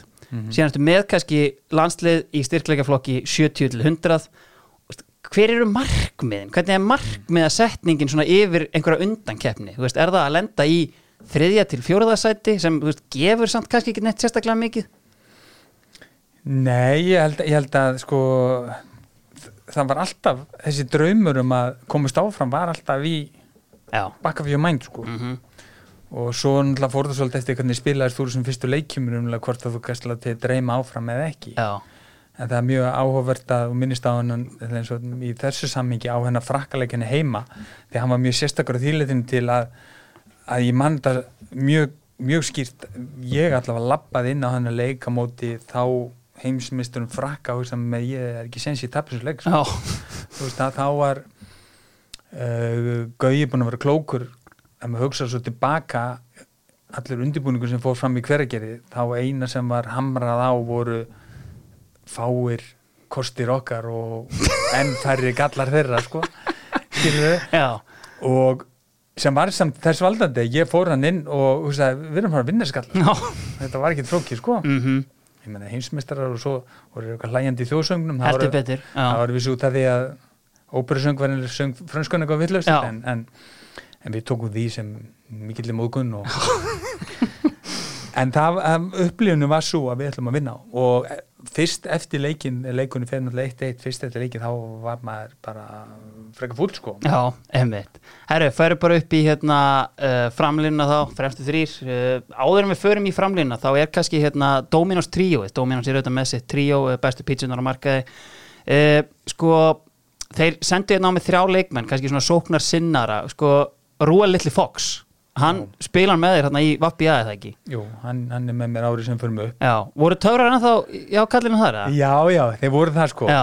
þeir voru það, það var mjög gott að hafa hann í þessu liði sko, hann er mikla reynslu og, og mikla þekkingu og, og þó, að- þó að eins og gerist með eldri menn fá að fara að hæja á honum og svona Já. en, en jú, það voru töfrar hann ennþá sko, það var mjög flottur. Síðan sendu þeir sko, tókum hann svo sem fyrir á en, en þeir vildu náttúrulega aðeins fá meiri umræðu um sko Bjarnar Sveinbjörns uh, og hérna þökkuðu kærlega fyrir þessa frábæri sögu hérna, en þú veist, alvöru gammur einhvern veginn í teiknum.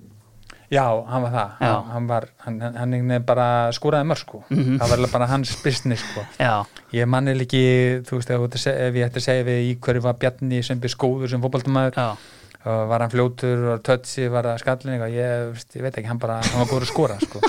Hann bara skoraði mörg, hann var bara mættur á svæðið skoraði mörg og alveg gríðarlega ég sagði þér svona frá fyrstu kynnunum okkar hana, en þetta var alveg gríðarlega góður liðsfélagi líka. Já. mjög skemmtilegu maður hann Bjarni og gaman að hafa hann með sér í klefa. Og síðan náttúrulega vildu þeir loka þessu kannski á því bara haldi í hefðirnar í draumalist áttunum strækpartnernars 94, Guðmundur Benediktsson. Þú veist, ég hef heyrt margt talað um, um Gumma hérna og tala náttúrulega við Gumma sjálfan einhvern veginn, en þú veist er þetta allt satt, þú veist, voru þetta bara ótrúlegir hæfileikar hérna? Já, ekki, spurning. Já. Gummi var, var alveg hrikalega góður. Já, og það er náttúrulega, ég segja bara sama og, og allir, þetta algjör synd hann skildi ekki hafa fengið að spila fótbolta bara í, á, á fullu. Já, og ég, ég var nú með honum á æfingu á Akurri þá var hann örgulega leikmaður uh, leik, samlýsmyndi lið úti Já. þegar hann slítur krossband emmitt og það er umlega, við vorum með reyt, það var engin álut hann steigti liðar og, og sleik Krossbandið farið. þannig, að- hann var alveg hrikala óöpum hvað þetta var það og, en já, óöpum, hann, hann átti ekki samt glæsilega fyrir heldur betur og klálega, þú veist, svona í sögulegu samhengi rúglega eitt besti leikmaður Íslandsmótsins frá upphafi sko. Akkúrat. algjörlega Herru, förum þá bara í hérna fremstu þrjá framlegan er búið lengjunur, lengjan, lengjan, lökku sprengjan uh, Ef við byrja þetta bara út á vinstri kantinum? Já, ég sko, ég set, set hann á vinstri kandi þó svo í rauninni, hann var ekki plássurinn á miðin hann spilaði náttúrulega með mér á miðjunni hjá Þóra Akurri, Já. hann heiti Sveinbjörn Hákonarsson heldur betur. Hann hérna spilaði uh, upp á Akranesi með pappa þar, svo fór hann held ég í stjörnuna hann og með átna Sveins áður en hann kom Já. til Þór. Mm. og var svo með Þórssonum í gegnum þetta ævintýri hann að við förum upp úr, úr bjöldildinni og förum hann að heldur um enda í þriðja set og enda Já. um hann að 92 Mm og ég var að spila miðinni með hann, það voru tveir svenna með mér hann, hann, Svenni var, var djúpar í miðinni og svo var Sveinbjörn Hákonarsson fyrir framann og það var alveg hrikala gott að spila með hann Svenna. Já, ef ég ætta að líkja honum við einhvern leikmann sem spil dag svona, þú veist það voru svona Pablo Puniet refur. Já, einmitt. Hann gætt alveg, þú veist hann gætt hann var mjög góður í fótbolta og mjög mikil vinner. Já, en svo gæti hann líka tekið anstæðingan og bara, þú veist, gert og alveg tjúl það er líka fyndið sko að segja þetta því að þú veist, ég er búin að vera blað í bladagreinum og annað, hver einasta mynd af honum inn á vellin, þá er hann einhvern veginn með svona prakkarlegt glott á sér einhvern veginn, svona greinilega búin að vera að espa í mönnum og svona. Og líka hann, það sem er áhugavert við hann er sko, þú veist, á þessum árum kannski þú ert ekkert með marga 36 ára gamla leikmenn einhvern veginn í dildinni og hann er bara ennþá í fullu fjörið Já, þetta var mjög sjálfgeft Já, og það sem, það sem gerist þannig sem er, sem er áhvert líka, að við endum tímabilið saman á bekknum með alhansliðinu út í Rúslandi já, þá kom Svenni Hákonar aftur í landsliði sem var sjálfgeft með að menna þessum aldri og einnig að Þórsari var í landsliðinu, það var ekki oft. Nei, og ég var að spila með 21 landsliðin hann úti og þá mittist einhverja landsliðin og ég var tekin upp. Mm. þannig ég veit ekki nú það er einhverja fyrir sögubækunum ég veit ekki hvort að Þórsarar hafa einhver tíman á tvo menn í landsliðinu skráðið þór. Ég veit það ekki. Nei, mjög ólíklegt. Já, en það, ég vildi setja Svennaðin inn hann er svona típa sem ég mynd, myndi vilja hafa með mér í liði. Og hérna og mjög góðar minningar frá þessum tímum að spila með honum hann á miðinni Algjörlega, sko það eru kannski nokkri leikir kannski meira sem að ég vil hérna ræða við hérna frá tímaðin í Englandi sko í fyrsta lagi náttúrulega e, spilar ekki einhverja Black Country Derby leiki sem er náttúrulega sko var kosin hérna bara the fiercest derby á Englandi, það er bara í Evrópu einhvern veginn, okay. er það ekki Wolves Vafbja? Jú, jú, það er Wolfsvapja já.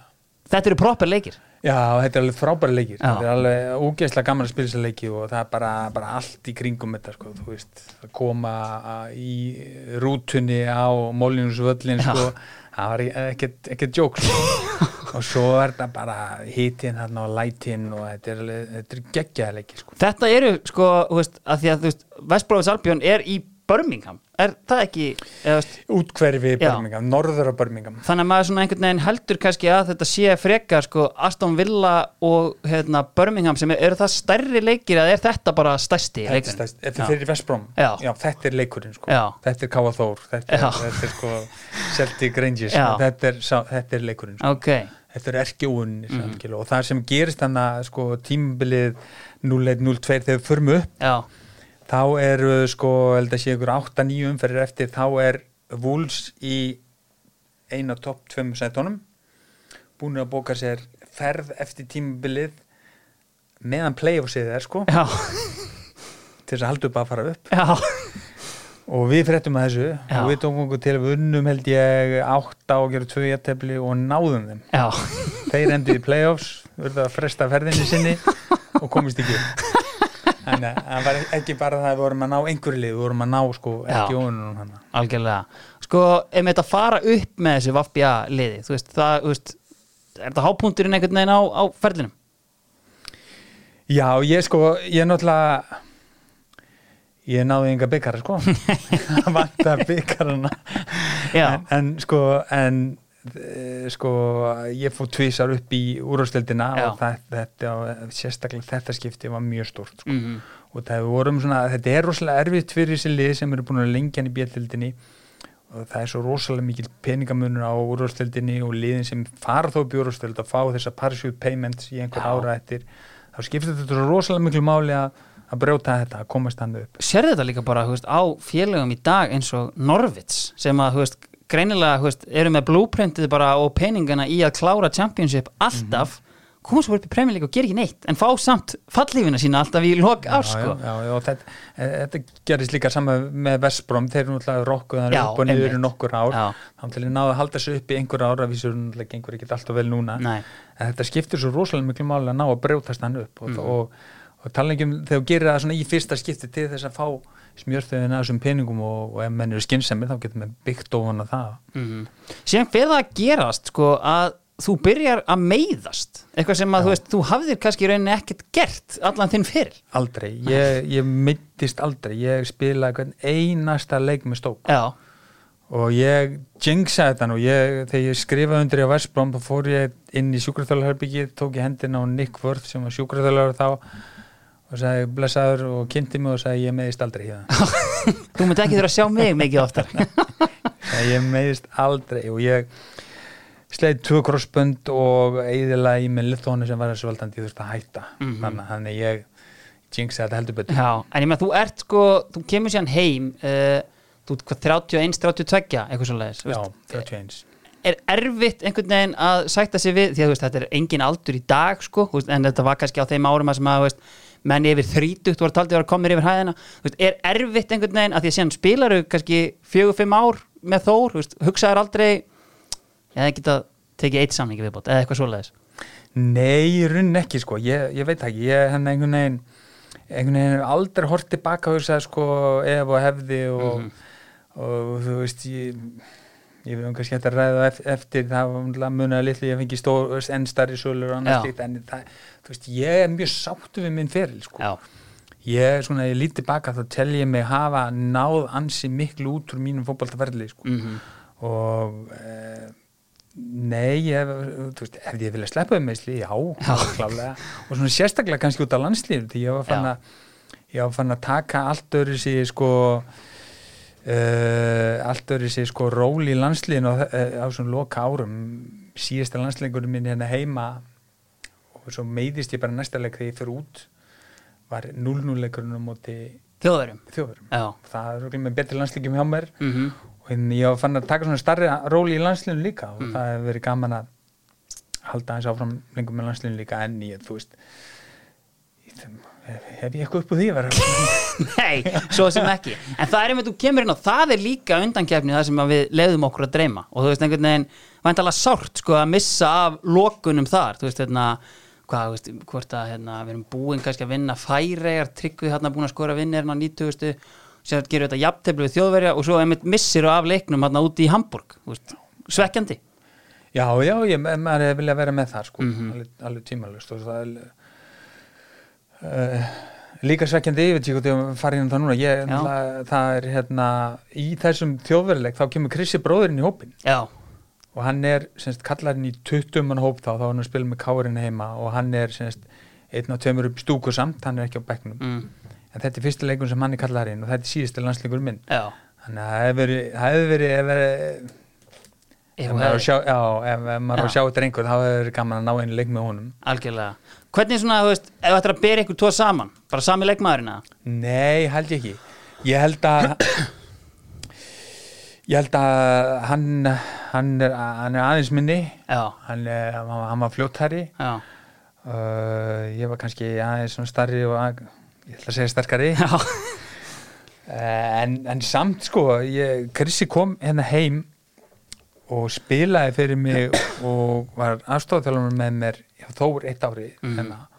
og þá svona sá ég hversu öflugur hann var ennþá þá sko, hversu sterkur hann var í runni sko. Já. hann alveg pakkaði sér dildina bjöldildin hérna heima saman þó hann var í runni hættur í fótbolta Já, og hann nefnir svona, þú veist hann kannski kemur, ég meina hann á, hann á fleiri landsleiki þú, hann á einhverja 50 landsleiki eitthvað svoleiðis Já. og hérna, en hann er að spila kannski á þessum tíma þar sem að landslismennitin okkar eru einhvern veginn bara, þú veist, undir orra hríð fjölmiðla bara alla tíð einhvern veginn og kannski, þú veist fólk kannski gleymir, þú veist, að þetta var bara hérna, þú veist, lang besti hafsendin í íslensku dildinni þegar K.R. vinnur hérna tvö ári röð og þú veist, á síðan bara virkilega farsaðan fyrir í Skandilafi, einhvern 10-15 ára eða eitthvað Já, hann er mjög flottan fyrir með, með Bergen og svo Hönnifoss þegar þeir Já. voru uh, stórt lið þeir eru náttúrulega alveg þessi ekki sétild núna Já, held ég þeir eru í balvöðu brasi Já, og hann var mjög flottu leikmaður Mhm. mjög flottu leikmaður og hann náttúrulega, eins og þú segir hann náttúrulega lendir á því tímbili með landsliðina það sem er gengur ekki alltaf vel mm -hmm. og þetta sko landsliði sko, það, það er alveg tvær stillingar á þessu sko. Þú veist þannig að hetja eða skurkur sko. Það er ekkit þannig á milli. Það, er, það er bara þannig, það er alveg gríðarlega mikli hérna, tilfinningar í þessu og, og þú veist, ég menna þetta, þetta eru einu leikinni þar sem ég get ekki setið heima fyrir svona sjónarbi horta á sko. ég, Já. er, ég vil stendi sko, en þetta er, er bara fyrir okkur íslendinga þetta er mikil tilfinningar í þessu. Algjörlega. Og það, ég menna, þú veist, ef við förum inn á kannski svona, þú veist, aðeins hérna, eitt skipti bara svona erfið málskilur og það er hérna, þú uh, dregur þig úr landsliðinu hérna, ef ekki farað aðeins þangað það? Jú, jú. Jú, þú veist, þetta, þetta kemur hérna upp atvik einhvern veginn og, og þú í rauninni ferð bara að íhuga stöðina innan landsliðsins Hvernig svona, þú veist, getur þú farið með okkur yfir þessa atbyrðar eitthvað? Já, þetta við vorum á þessu tíma, ég man nú ekki eins og hvaða leik við vorum að klára að spila við klárum að spila leik hérna Við skota, getur það ekki verið? Jú, það geti verið. Jú. Við vorum, og fórum svo í einhver, það var eitthvað dinner hjá KSI þar sem menn máttu fá sér einn eða tvo bjór og eitthvað aðeins að kvítvinni Já, og þetta fór eitthvað, eitthvað ill í mig. Já, sem endaði með að við fórum nú nýr í bæ nokkri leikmenn, eða nokkri, eða flesti fórum nýr í bæ. Mm, og þar en það var einhver að ég veit ekki, þetta endaði með því ég skvætti bjór á einhvern. Já, sem að á þessum tíma þá var það þannig að það var verið að eldast við landslíði runni, það var að leita í runni eftir því sem ég gaf þeim. Já, það var hérna allir heitin Eðvalsson landslýstjálfari og menn voru bara eftir hún já, og ég gaf þeim það sem vildu fá sko. Þannig að, þetta var fyrsta frétt á stöð 2 daginn eftir. En þú veist, eftir þetta, þú veist, meina, þú veist, þú gefur hérna út uh, pistil í rauninni, íhuga stöðina, en þú veist, væntalega er þetta bara sjallað einhvern veginn og allt í góðu. Þetta gerst bara þannig, ég bara mig úr ég, það bara, þetta kemur þeir koma að tala með um daginn eftir og, og þá bara segi ég við að Lambert bara fyrir alltaf, ég bara dreim út rómnum Já, og það var annar leikur eftir hana og reyna bara að kaupa þannig, þannig frið í runni, þannig að bara Já. liðið fengi að einbetta sér að leiknum já, og svo í framhaldin af þessu þá var þeir, þó að eins og ég sagt ég sagði náðan, þetta var eitt af því stærsta sem ég gerði á mínu ferli á að spila fyrir landslið þá samt í framhald af þessu þá fór maður að hugsa sig um sko og það því að þannig er þetta komið á þann stað sko að þú þarf uh, þú veist ekki að það sé landsliðin að kenna ég gerði þetta sem ég gerði Já. mér að kenna já, en samt er þetta komið á þann stað að hérna þú veist að fara að ringi fjölskyldun og segja heyrðu, það er að fara að koma þetta í já, fjöldunum í kvöld sko einmitt. það var ekki, ég gæti ekki bara að hoppa upp í flugvel og flóði út sko.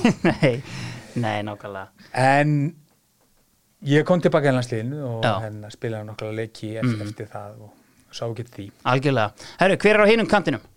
Ólið Þórðar Já. Gerast þeir eitthvað mikið harðari eða?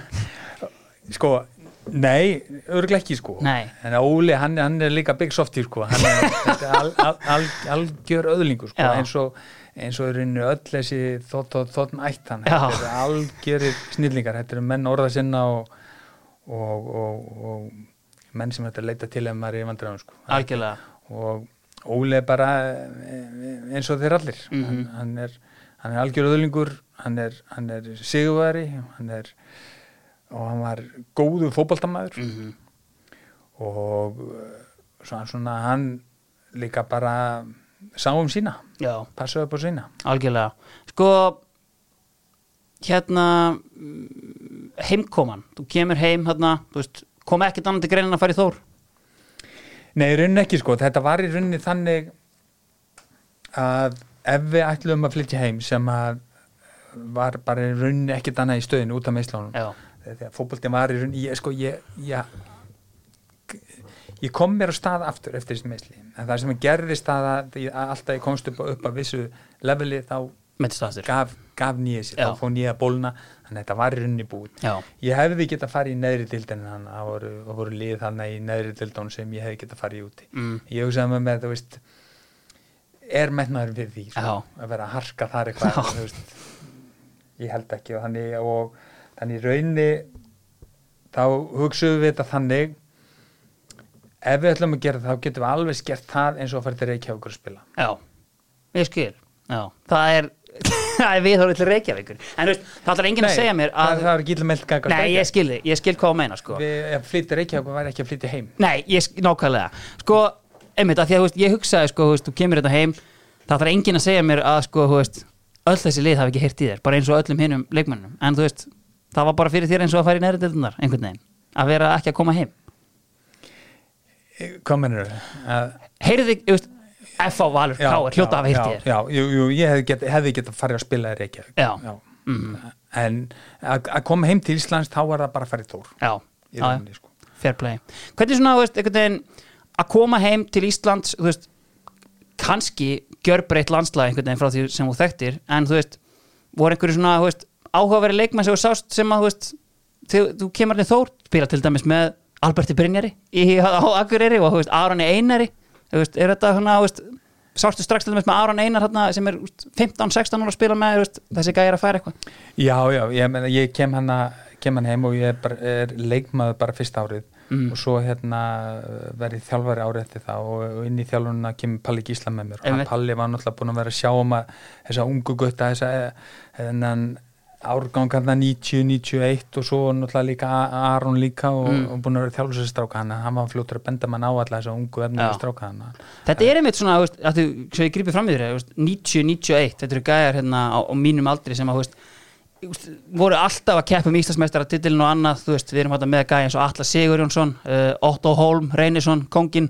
þú veist, Gísla Pál Gísla Pál og veist, Jóhann Helga Jóhann, náttúrulega, já. þú veist, maður kannski hefði haldið að, þú veist, þeir, þú veist, að því að Atli er kannski rauninni eini sem að, þú veist, tekur skrefið og, þú veist, er svona proper leikmaður í efstu dild, en þú veist, það er kannski svona bara á pari, þú veist, svona þannig séð þegar þeir eru ungir við bara skagaliði þitt eða eitthvað þú veist, svona í þið, þið voru vinnandi titlana hérna endalust sko Í, já, sko eh, þegar ég tek við, við þjálfunni á Þór þá gerum við okkur svona langtíma markmið að, að reyna bara að halda sjó þangur til þessi árgangur kemur upp. Og, og það voru ansið svona erfið ár og mögur ár hann að fyrsta árin og gekk, ekki alltaf vel og var oft mjög erfitt Mm. en þegar svo þessi stráka fara að skila sér upp þá á endanum kemst liðið upp þó ég ná ekki að klára það verkefni sjálfur já, þá, þá tekst það á endanum. Mhm. og það sem er svona mest kannski svekkjandi við það að það skildi ekki að það nást að byggja ofan á það. Mhm. Uh, jú þeir fóru upp þeir fóru niður og upp aftur í eitt eða tvö ár og svo niður og svo er það bara mm búið sko en, Eh. þannig maður er kannski vilja að á þessum grunni sem var byggður á hana hefði orðið til eitthvað eitthvað eitthvað nokkur ár saman Einmitt. Og þú auðvitað fóst kannski svolítið mikinn þarna í, eh, í, svona, í, í fjölmiðlum og annað í tengslum við stjórnina og, og, svona, og, og þess áttar. Var þetta í algjörum ólestri þarna? Sko, fer sjálfsagt eftir hvernig þú spyr. Já, ef þú spyr sumi og þór þá segir að það hefur kolruglaði þjálfari. Já, en sko ég menna það voru hlutir hana sem ég vildi að væri öðru sí já, það voru hlutir hana sem að ég vildi að væri gerðir allt öðru sí og ég taldi að að það var ekki nógu mikið, mér fannst ekki réttur metnaður í félaginu. Mhm, uh, hvort sem það var rétt hjá mér ekki það eru Mhm. eins og segi, það eru aðri sem eru kannski ósamal mér Mhm. í því. En ég byggði það bara á því þess sem, sem ég var búin að sjá í mínum ferli í gegnum tíðina. Mhm, og Þórin náttúrulega er mitt félag. Ég bý hérna inn, inni sko að færi frá Þór.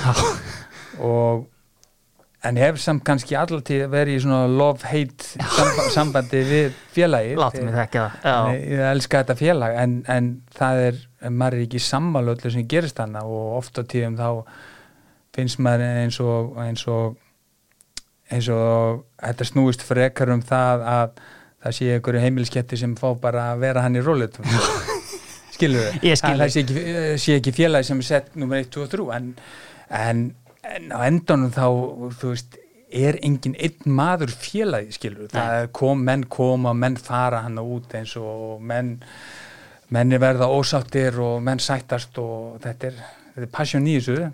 Og það var passion í þessu þegar ég var að þjálfa. Mm, og eins og ég segi, þú tala við einhver suma þorsarann, þá segja þér að ég hef verið bölvaði bölvaði Herru, hver hérna, hver loka liðin upp á topp?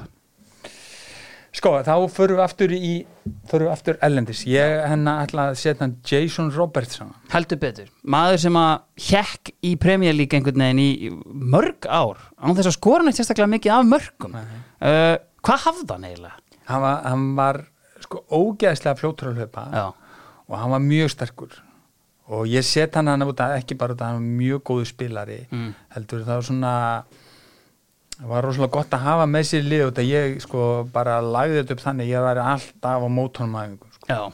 bara, þú veist það og þetta er það sem að varnamenn eiga að gera þú átt, átt að, ef þú ert með einhverjum s- sóknarmanni sem getur eitthvað í liðinu þá átt aldrei að vera með honum lið á einhverjum, Já. það átt alltaf að vera að mæla það á mótun Mhm. og við tókum líka svona saman þá hérna ofta á tíðum eftir æfingar, þá var hann að hlaupa á mig og bara á heilum velli vorum bara að mæla okkur á mótu öðrum og læra okkur öðrum og, og hann var þannig leikmaður þegar þú veist að spila mótunum, hann var endals með olbóðan uppi og snúandi sér maður, maður var endals með umur í nefinu alltaf daga sko.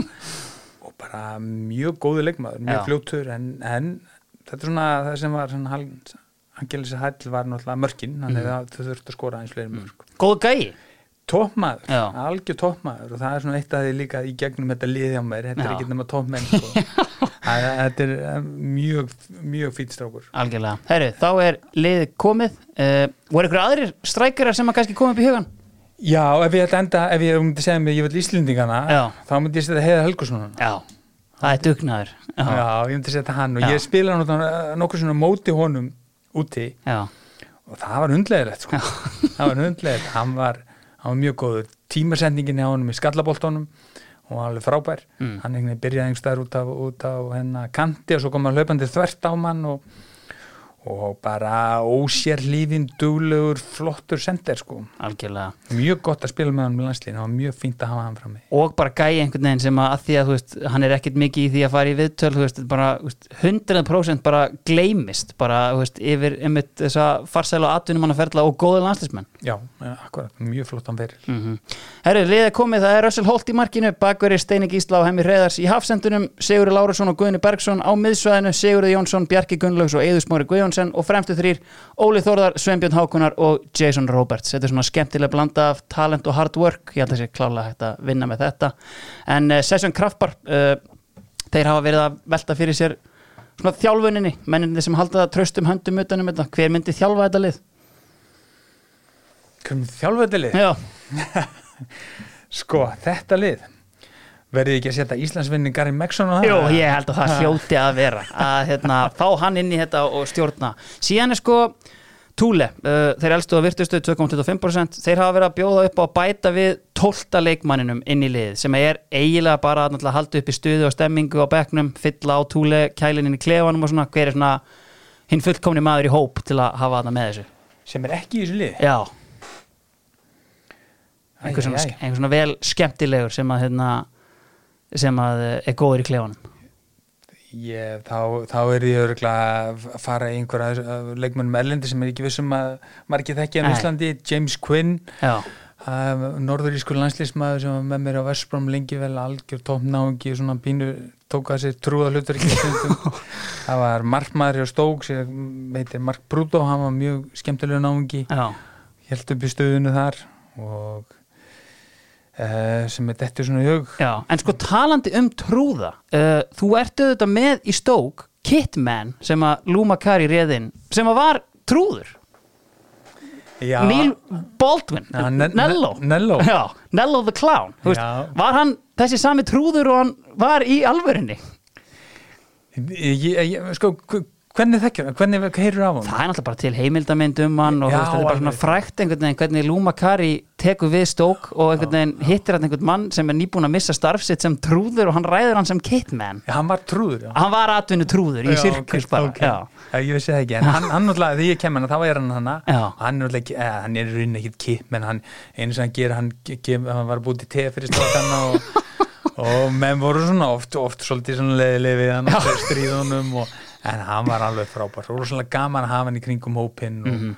og bara mjög, mjög skemmtileg, skemmtileg svona saga í kringum þetta. Algjörlega, svona bara alveg í lokin uh, R3 Ráki og Bókald uh, þeir eru svona bestir í endurskoðun og veist, við erum aðeins snert á þessu en er eitthvað sem þú myndir vilja láta R3 Ráki og Bókald endurskoða frá ferlinuðinum, eitthvað move sem kom ekki eða eitthvað datt upp fyrir þess áttar Já, ég sko ég fer á endanum frá stók á hérna á 350.000 pund. Mm og þá á ég eftir einhverja ætli ég ekki einhverja 6-7 mánu eftir samningnum. Já, og þegar ég fyrir búið skrifstofu þetta er 90 og 99 þegar ég fyrir búið skrifstofu þá er hann að sá sem var sem sagt þá myndir örugglega kallast hérna knastmyndumála já, þá segir, segir hann við mig og segir mig frá því að fyrir tveim árum þá hafi hérna komið tilbúið frá Newcastle búið 2 miljónir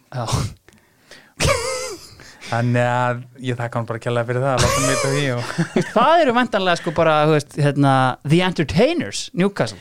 Já, sko við spilum náttúrulega við Newcastle hann að þeir, voru upp þessi besta Ginola og Beersley Já. og allir þessi kalla voru hann og kemur kíkan var að þjálfa. Mm og kíkan rætti nú aðeins um eftir þann leik. Já, og hann hefur greinilega lítist vel á og gert tilbúð og 2 miljónu þessum tíma var nú þetta svolítið mikið. Hellingspenningur, já. En stók vildu meira. Já, mikið vill meira. Það er kannski svolítið málið.